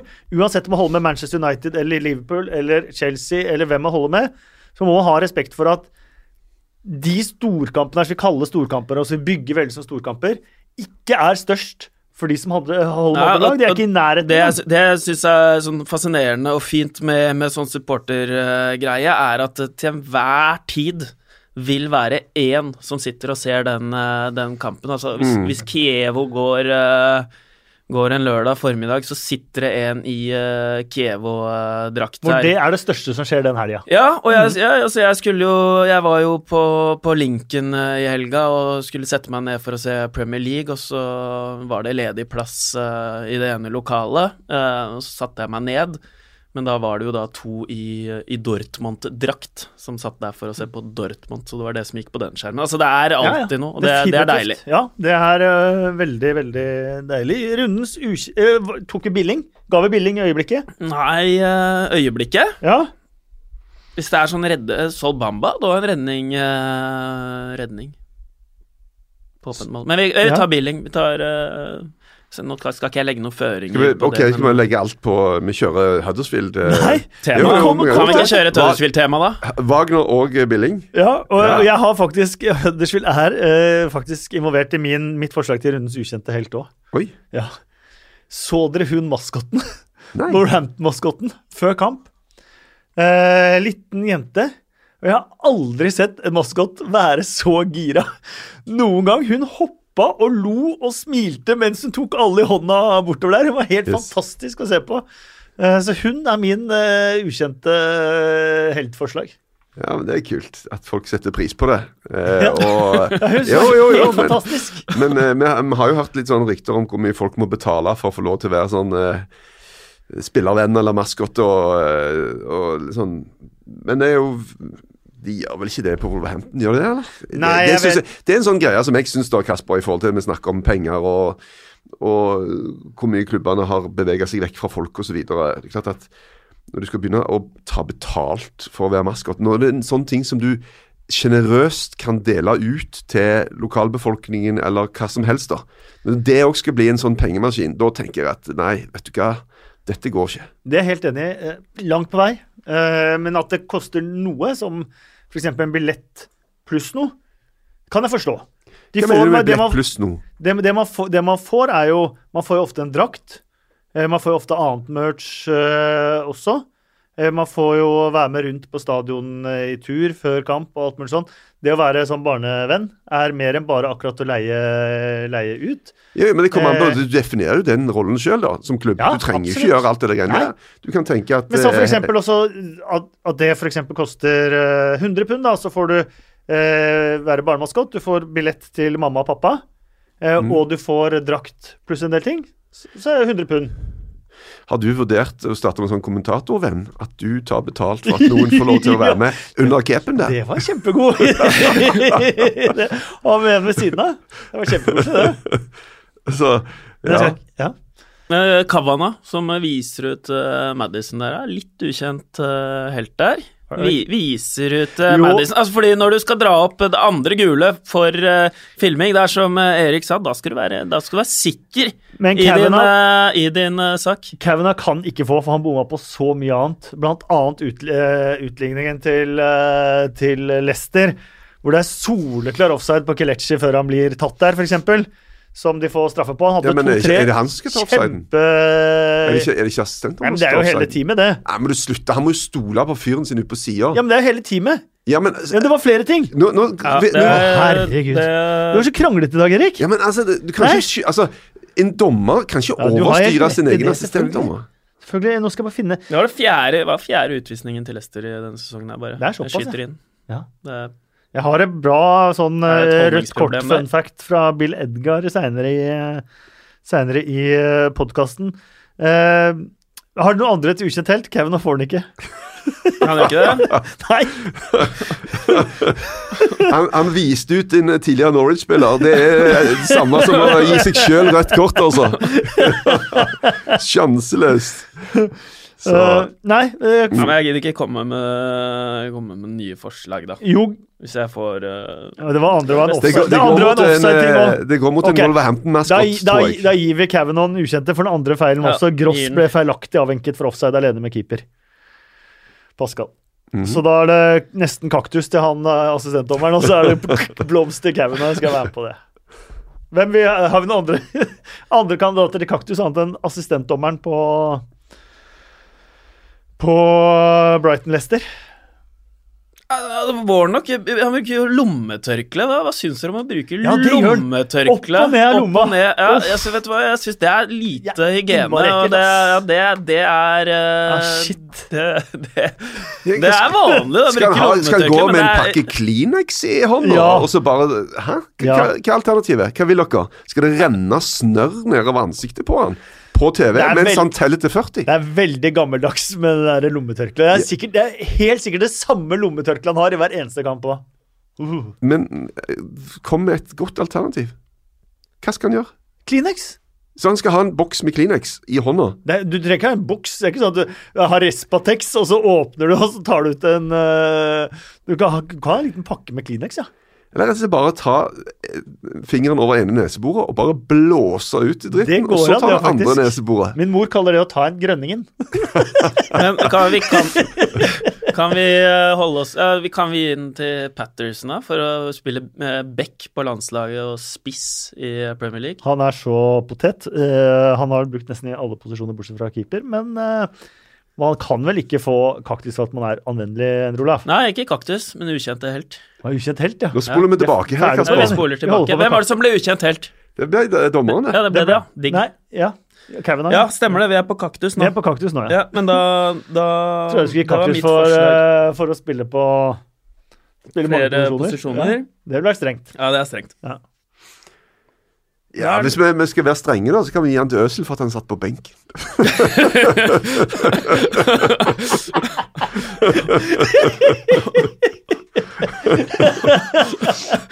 Ja, det syns jeg. Så god fotballspiller, og så havner du på benken. De aller fleste på Twitter mener at Richie burde få den, men det er kanskje litt brutalt, det òg.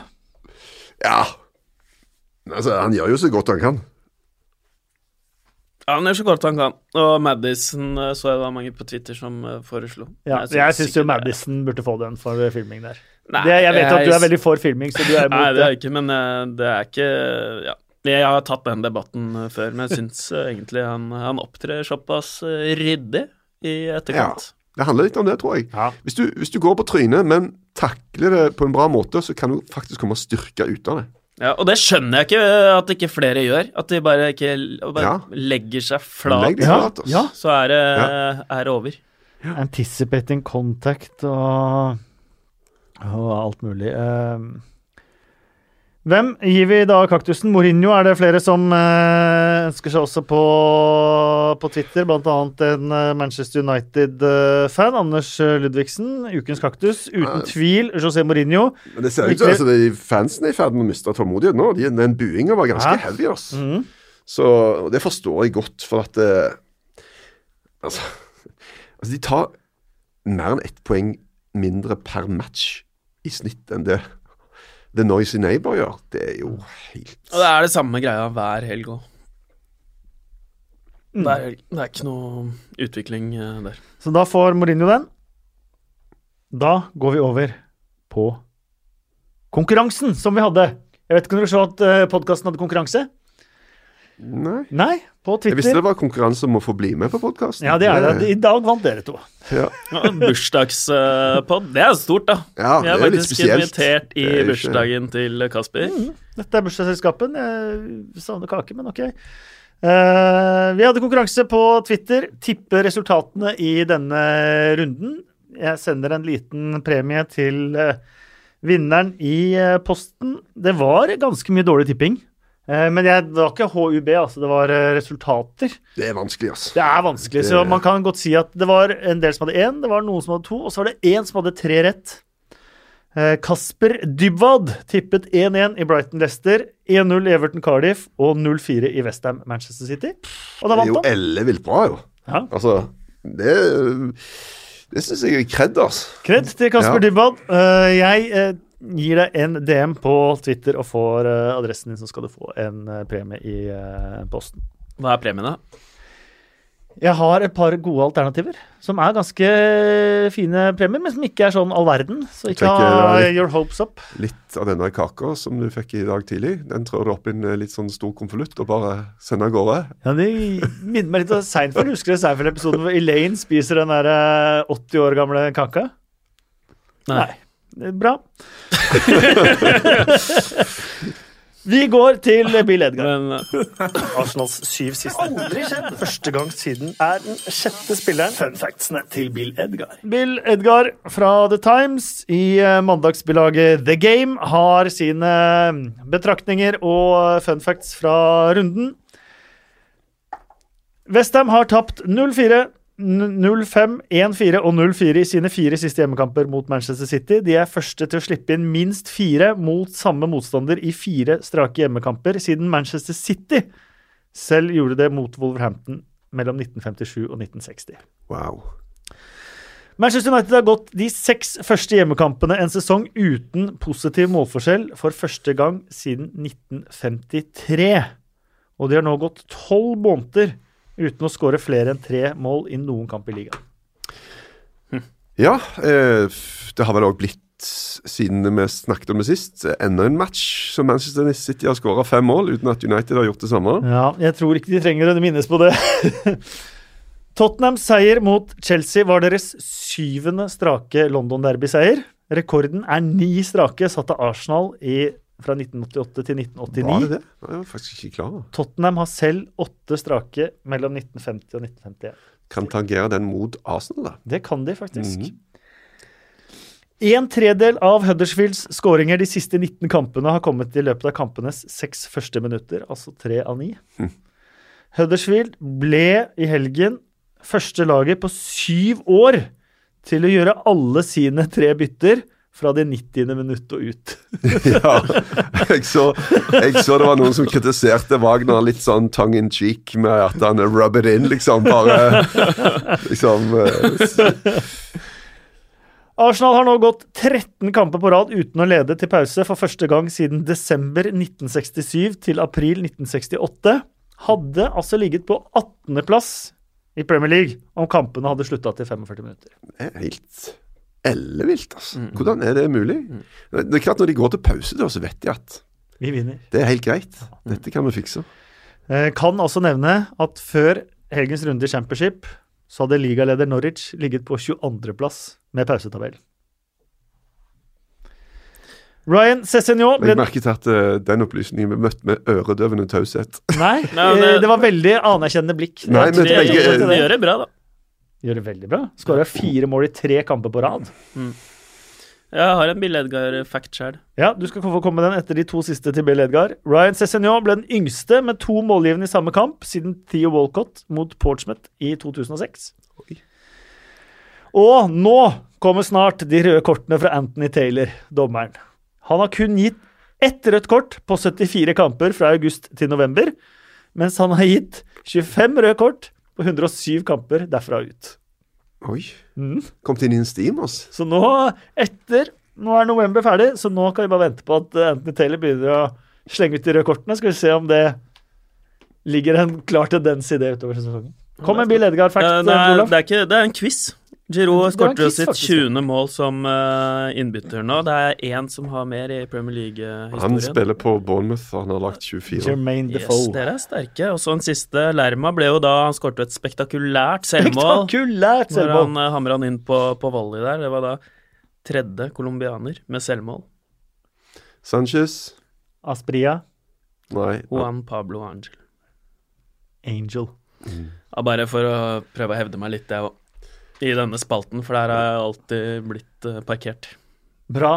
Hevd. Men eh, det var jo Dere er jo sterke, da. Men det var ikke noe overraskelse. Så lenge du har sånn opptil-abonnement, så får du alltid disse greiene. Og vi kan Men i og med at vi var inne på I og med at vi var inne på Jermaine Defoe, da, så ble jo han eh, adlet siden sist podkast. Han har blitt uh, OBE. Mm. Eh, det står for uh, Order of the British Order of the British Empire, ja. Og han, det er én ting som er bedre. Hva er det? Eller, MBE, er det Ja. Member of the British eh, Empire. for nå er han ikke fullt ut medlem i imperiet. Nei. Og, men MBE, det ble Kenny Daglish siden sist uh, podkast, gjorde han ikke det? Nei, det er, han har vært det lenge. Tror du ikke det? Nei. Det er veldig mange som er MBI. Han ble adlet nå og er nå sir Kenny. Han har ikke vært det Ja, men du er ikke sir hvis du blir MBI, tror jeg. Jeg tror du må opp et hakk. Opp et Et hakk. Ja, oh, ja. det tror jeg. Ja, nei, jeg tror han Nei, skal, dette må vi ja, sjekke. Dette må vi sjekke. Men uansett, Eh, Og han hadde jo eh, rundt Rølitt ja. i studio, som fortalte at han var blitt adla av Nelson Mandela. Oh. ja. Så han Husker var- du hiten til Ruud Gullit? Ja, han var, kjentes veldig av den, da. South African. When you had uh, uh, Sometimes you have too much confidence. Det var hans Ja, men jeg likte låta, ja. Litt ja. som jeg likte Gaster sin låt. Den var han den nyinnspillingen av Fog on a Time, Ja. eh, som jeg også syns var veldig kul. Men jeg likte jo alle de der da jeg vokste opp, da, så det sier kanskje mer om meg. Sergio Ramos har mye bra musikk for øvrig. Jeg vet ikke om dere har hørt på det. det har jeg ikke hørt på. Han, han synger oh, ja. glimrende, faktisk. Oh, ja. Så må dere inn og sjekke. Ja. SR4. Men han er jo dopa, da. Nå, ja, vi må få, få tilbake tråden her, for at jeg skulle nemlig hylle Jermaine Defoe, som uh, ga uh, Som krediterte hele sin eh, utmerkelse fra Storbritannia til Bradley Lowry. Denne unge, dette Sunderland-barnet som døde av kreft. Og Jermaine Defoe har gjort utrolig mye bra, både for familien til Bradley Lowry, Bradley mens han levde, og for denne saken, og, og det skal han ha masse kred for. Det var det jeg hadde tenkt å si. Det ligger vel kanskje i bånn, det òg. Du sjelden får jo Definitivt. et eller annet for bare å spille fotball. Ja. Du må jo gjøre et eller annet annet i tillegg.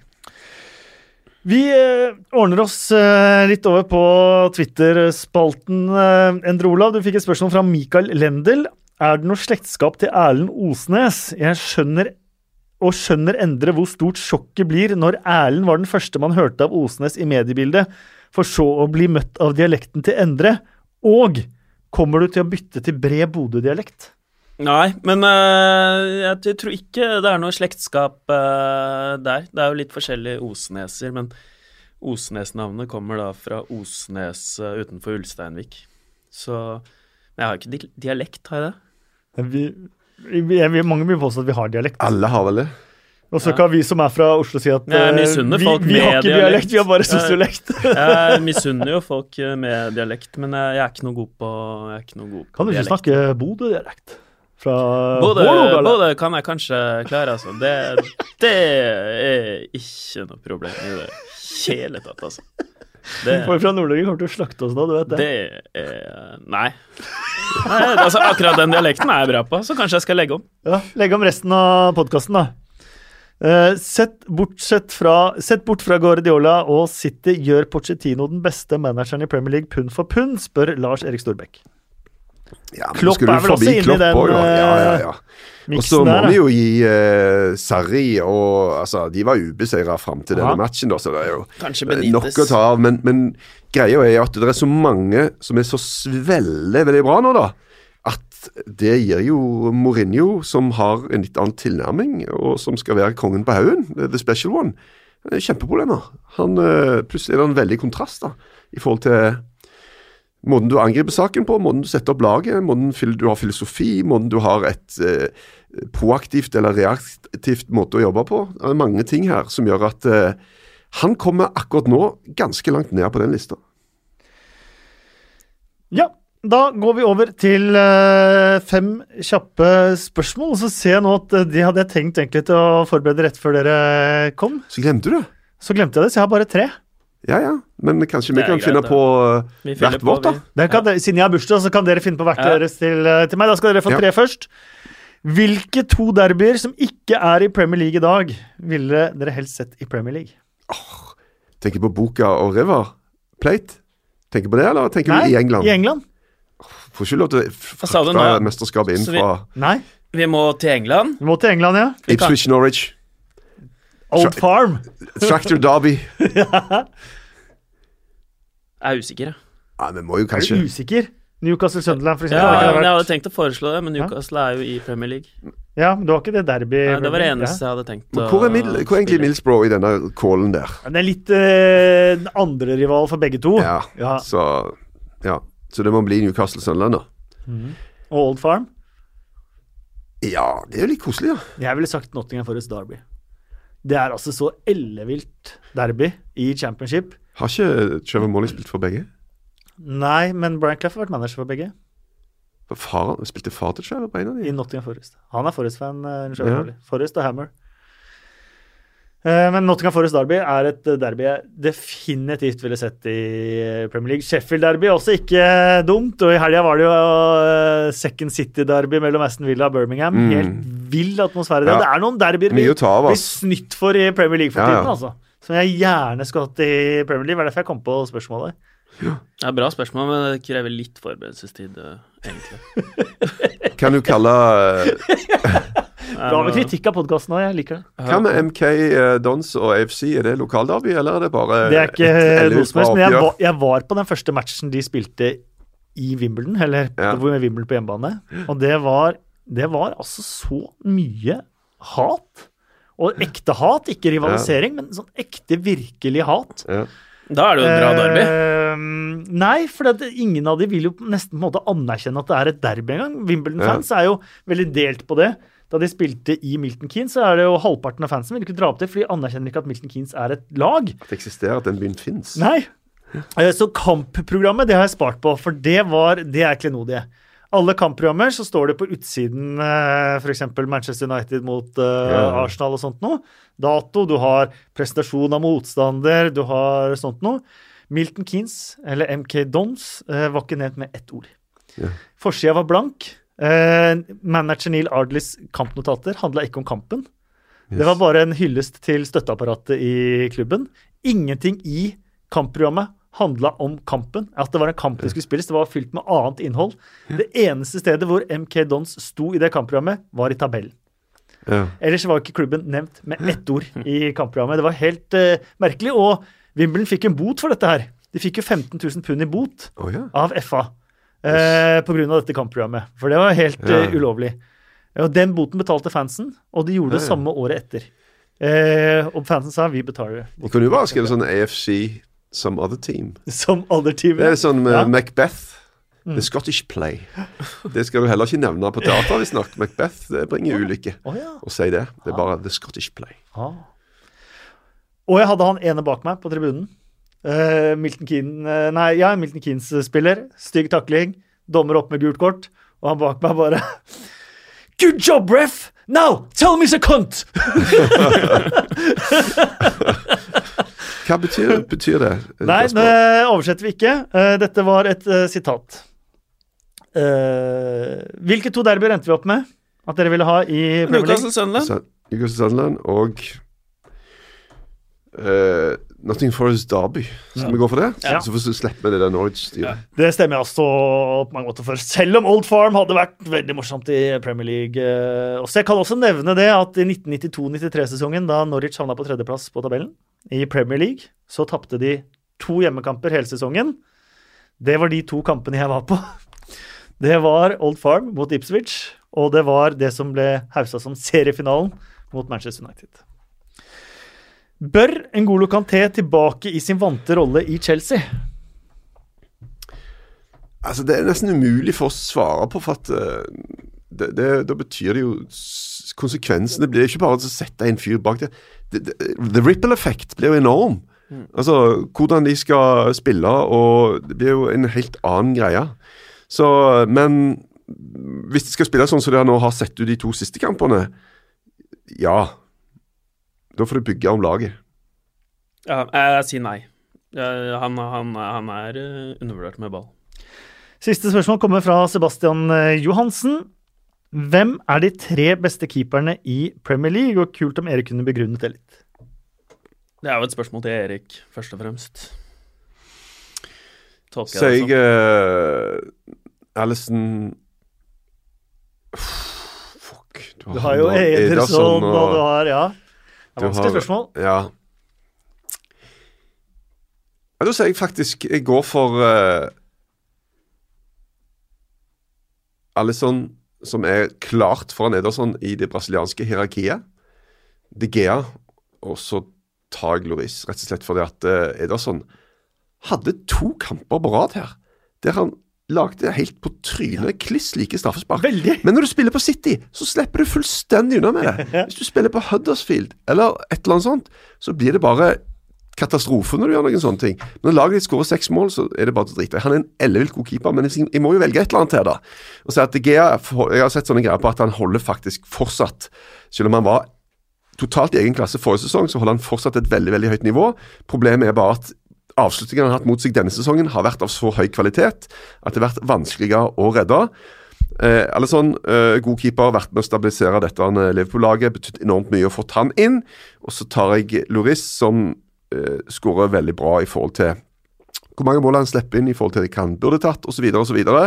Kaptein på eh, VM-vinneren Frankrike, og så har du da Ederson som gjør så mye annet. Han har jo så lite skudd.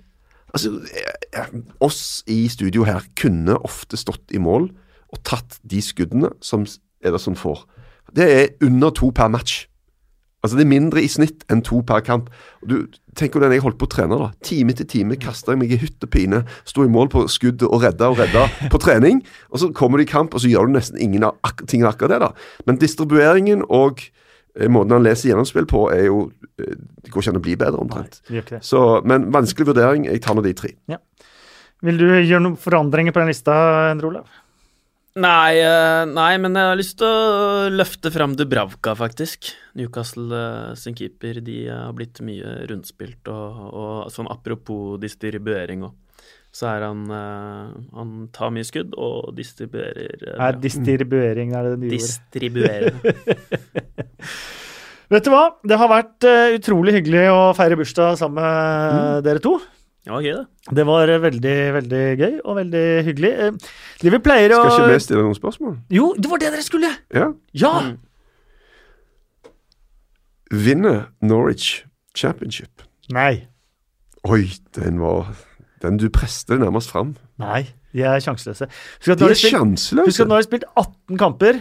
De er halvveis til 36. Når det kommer til 36, er det fortsatt 10 Men de igjen. har jo vært så sykt bra. Det er ikke bare at de vinner, men de høvler over Men de har ikke vært så sykt bra som eh, de, de egentlige resultatene Du er redd for å jinxe greiene, du. Det er bare derfor du sier det. Etter en nesten en mannsalder med West Hulahan, og så James Madison, og så nå Hva med Pritchard? Hvor var han oppi alt dette? Ja, han var så mye skada. Og så nå endelig bli kjent med Emmy Buendia.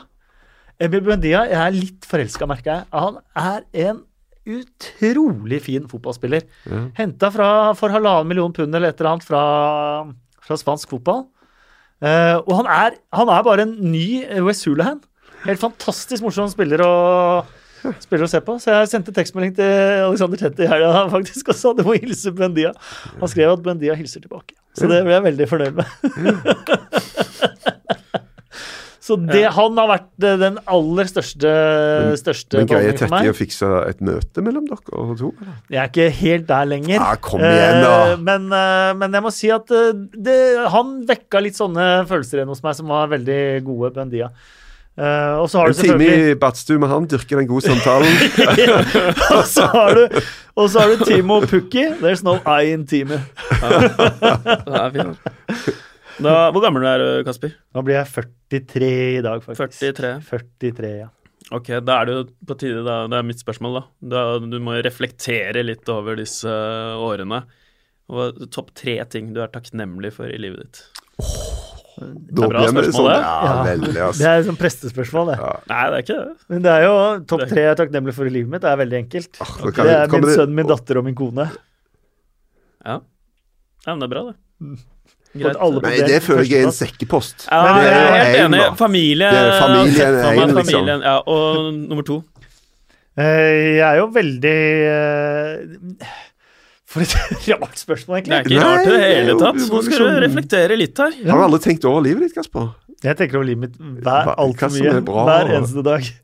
Eh, men eh, Nei, jeg har jo de som kunne vært til stede her nå, har sett at Kasper hadde vridd Ja, hendene sitter- mot hverandre. ja, er Litt sånn ubekvem. Sitter og svetter nå, Nei, jeg, jeg svetter ikke det Kasper for det, det, er, jeg, det er ekstremt mye jeg er takknemlig for. Jeg har alltid hatt eh, mange gode venner. og Det er jeg utrolig glad for, og det betyr eh, veldig mye for meg. Og det har man fått mye mindre tid til med den jobben vi har, dessverre. Som jeg også er veldig takknemlig for. Men det jeg syns nesten er best med den jobben her, er at jeg kan sitte sammen med så mange mennesker som var mine barndomshelter, som Erik Torstvedt, å, og, og være kompis med. Det synes jeg er, det må jeg klype meg i armen for stadig, stadig vekk. Eh, For meg så var Erik Torstvedt verdens beste keeper da han eh, spilte. Og hadde, vi, og hadde, vi gått videre, hadde vi gått videre fra gruppespillet i 94, så hadde du faktisk fått den anerkjennelsen og blitt kåra til verdens beste keeper. Ja, du skal Det er jeg 100% sikker på, og det har jeg alltid sagt. Eh, og i den forlengelsen så møtte jeg faktisk Ray Houghton i helga. og han var vel en sterk bidragsyter til at vi aldri gikk videre i 94, da han ble matchvinner mot uh, eh, Italia. det spørsmålet. Ja.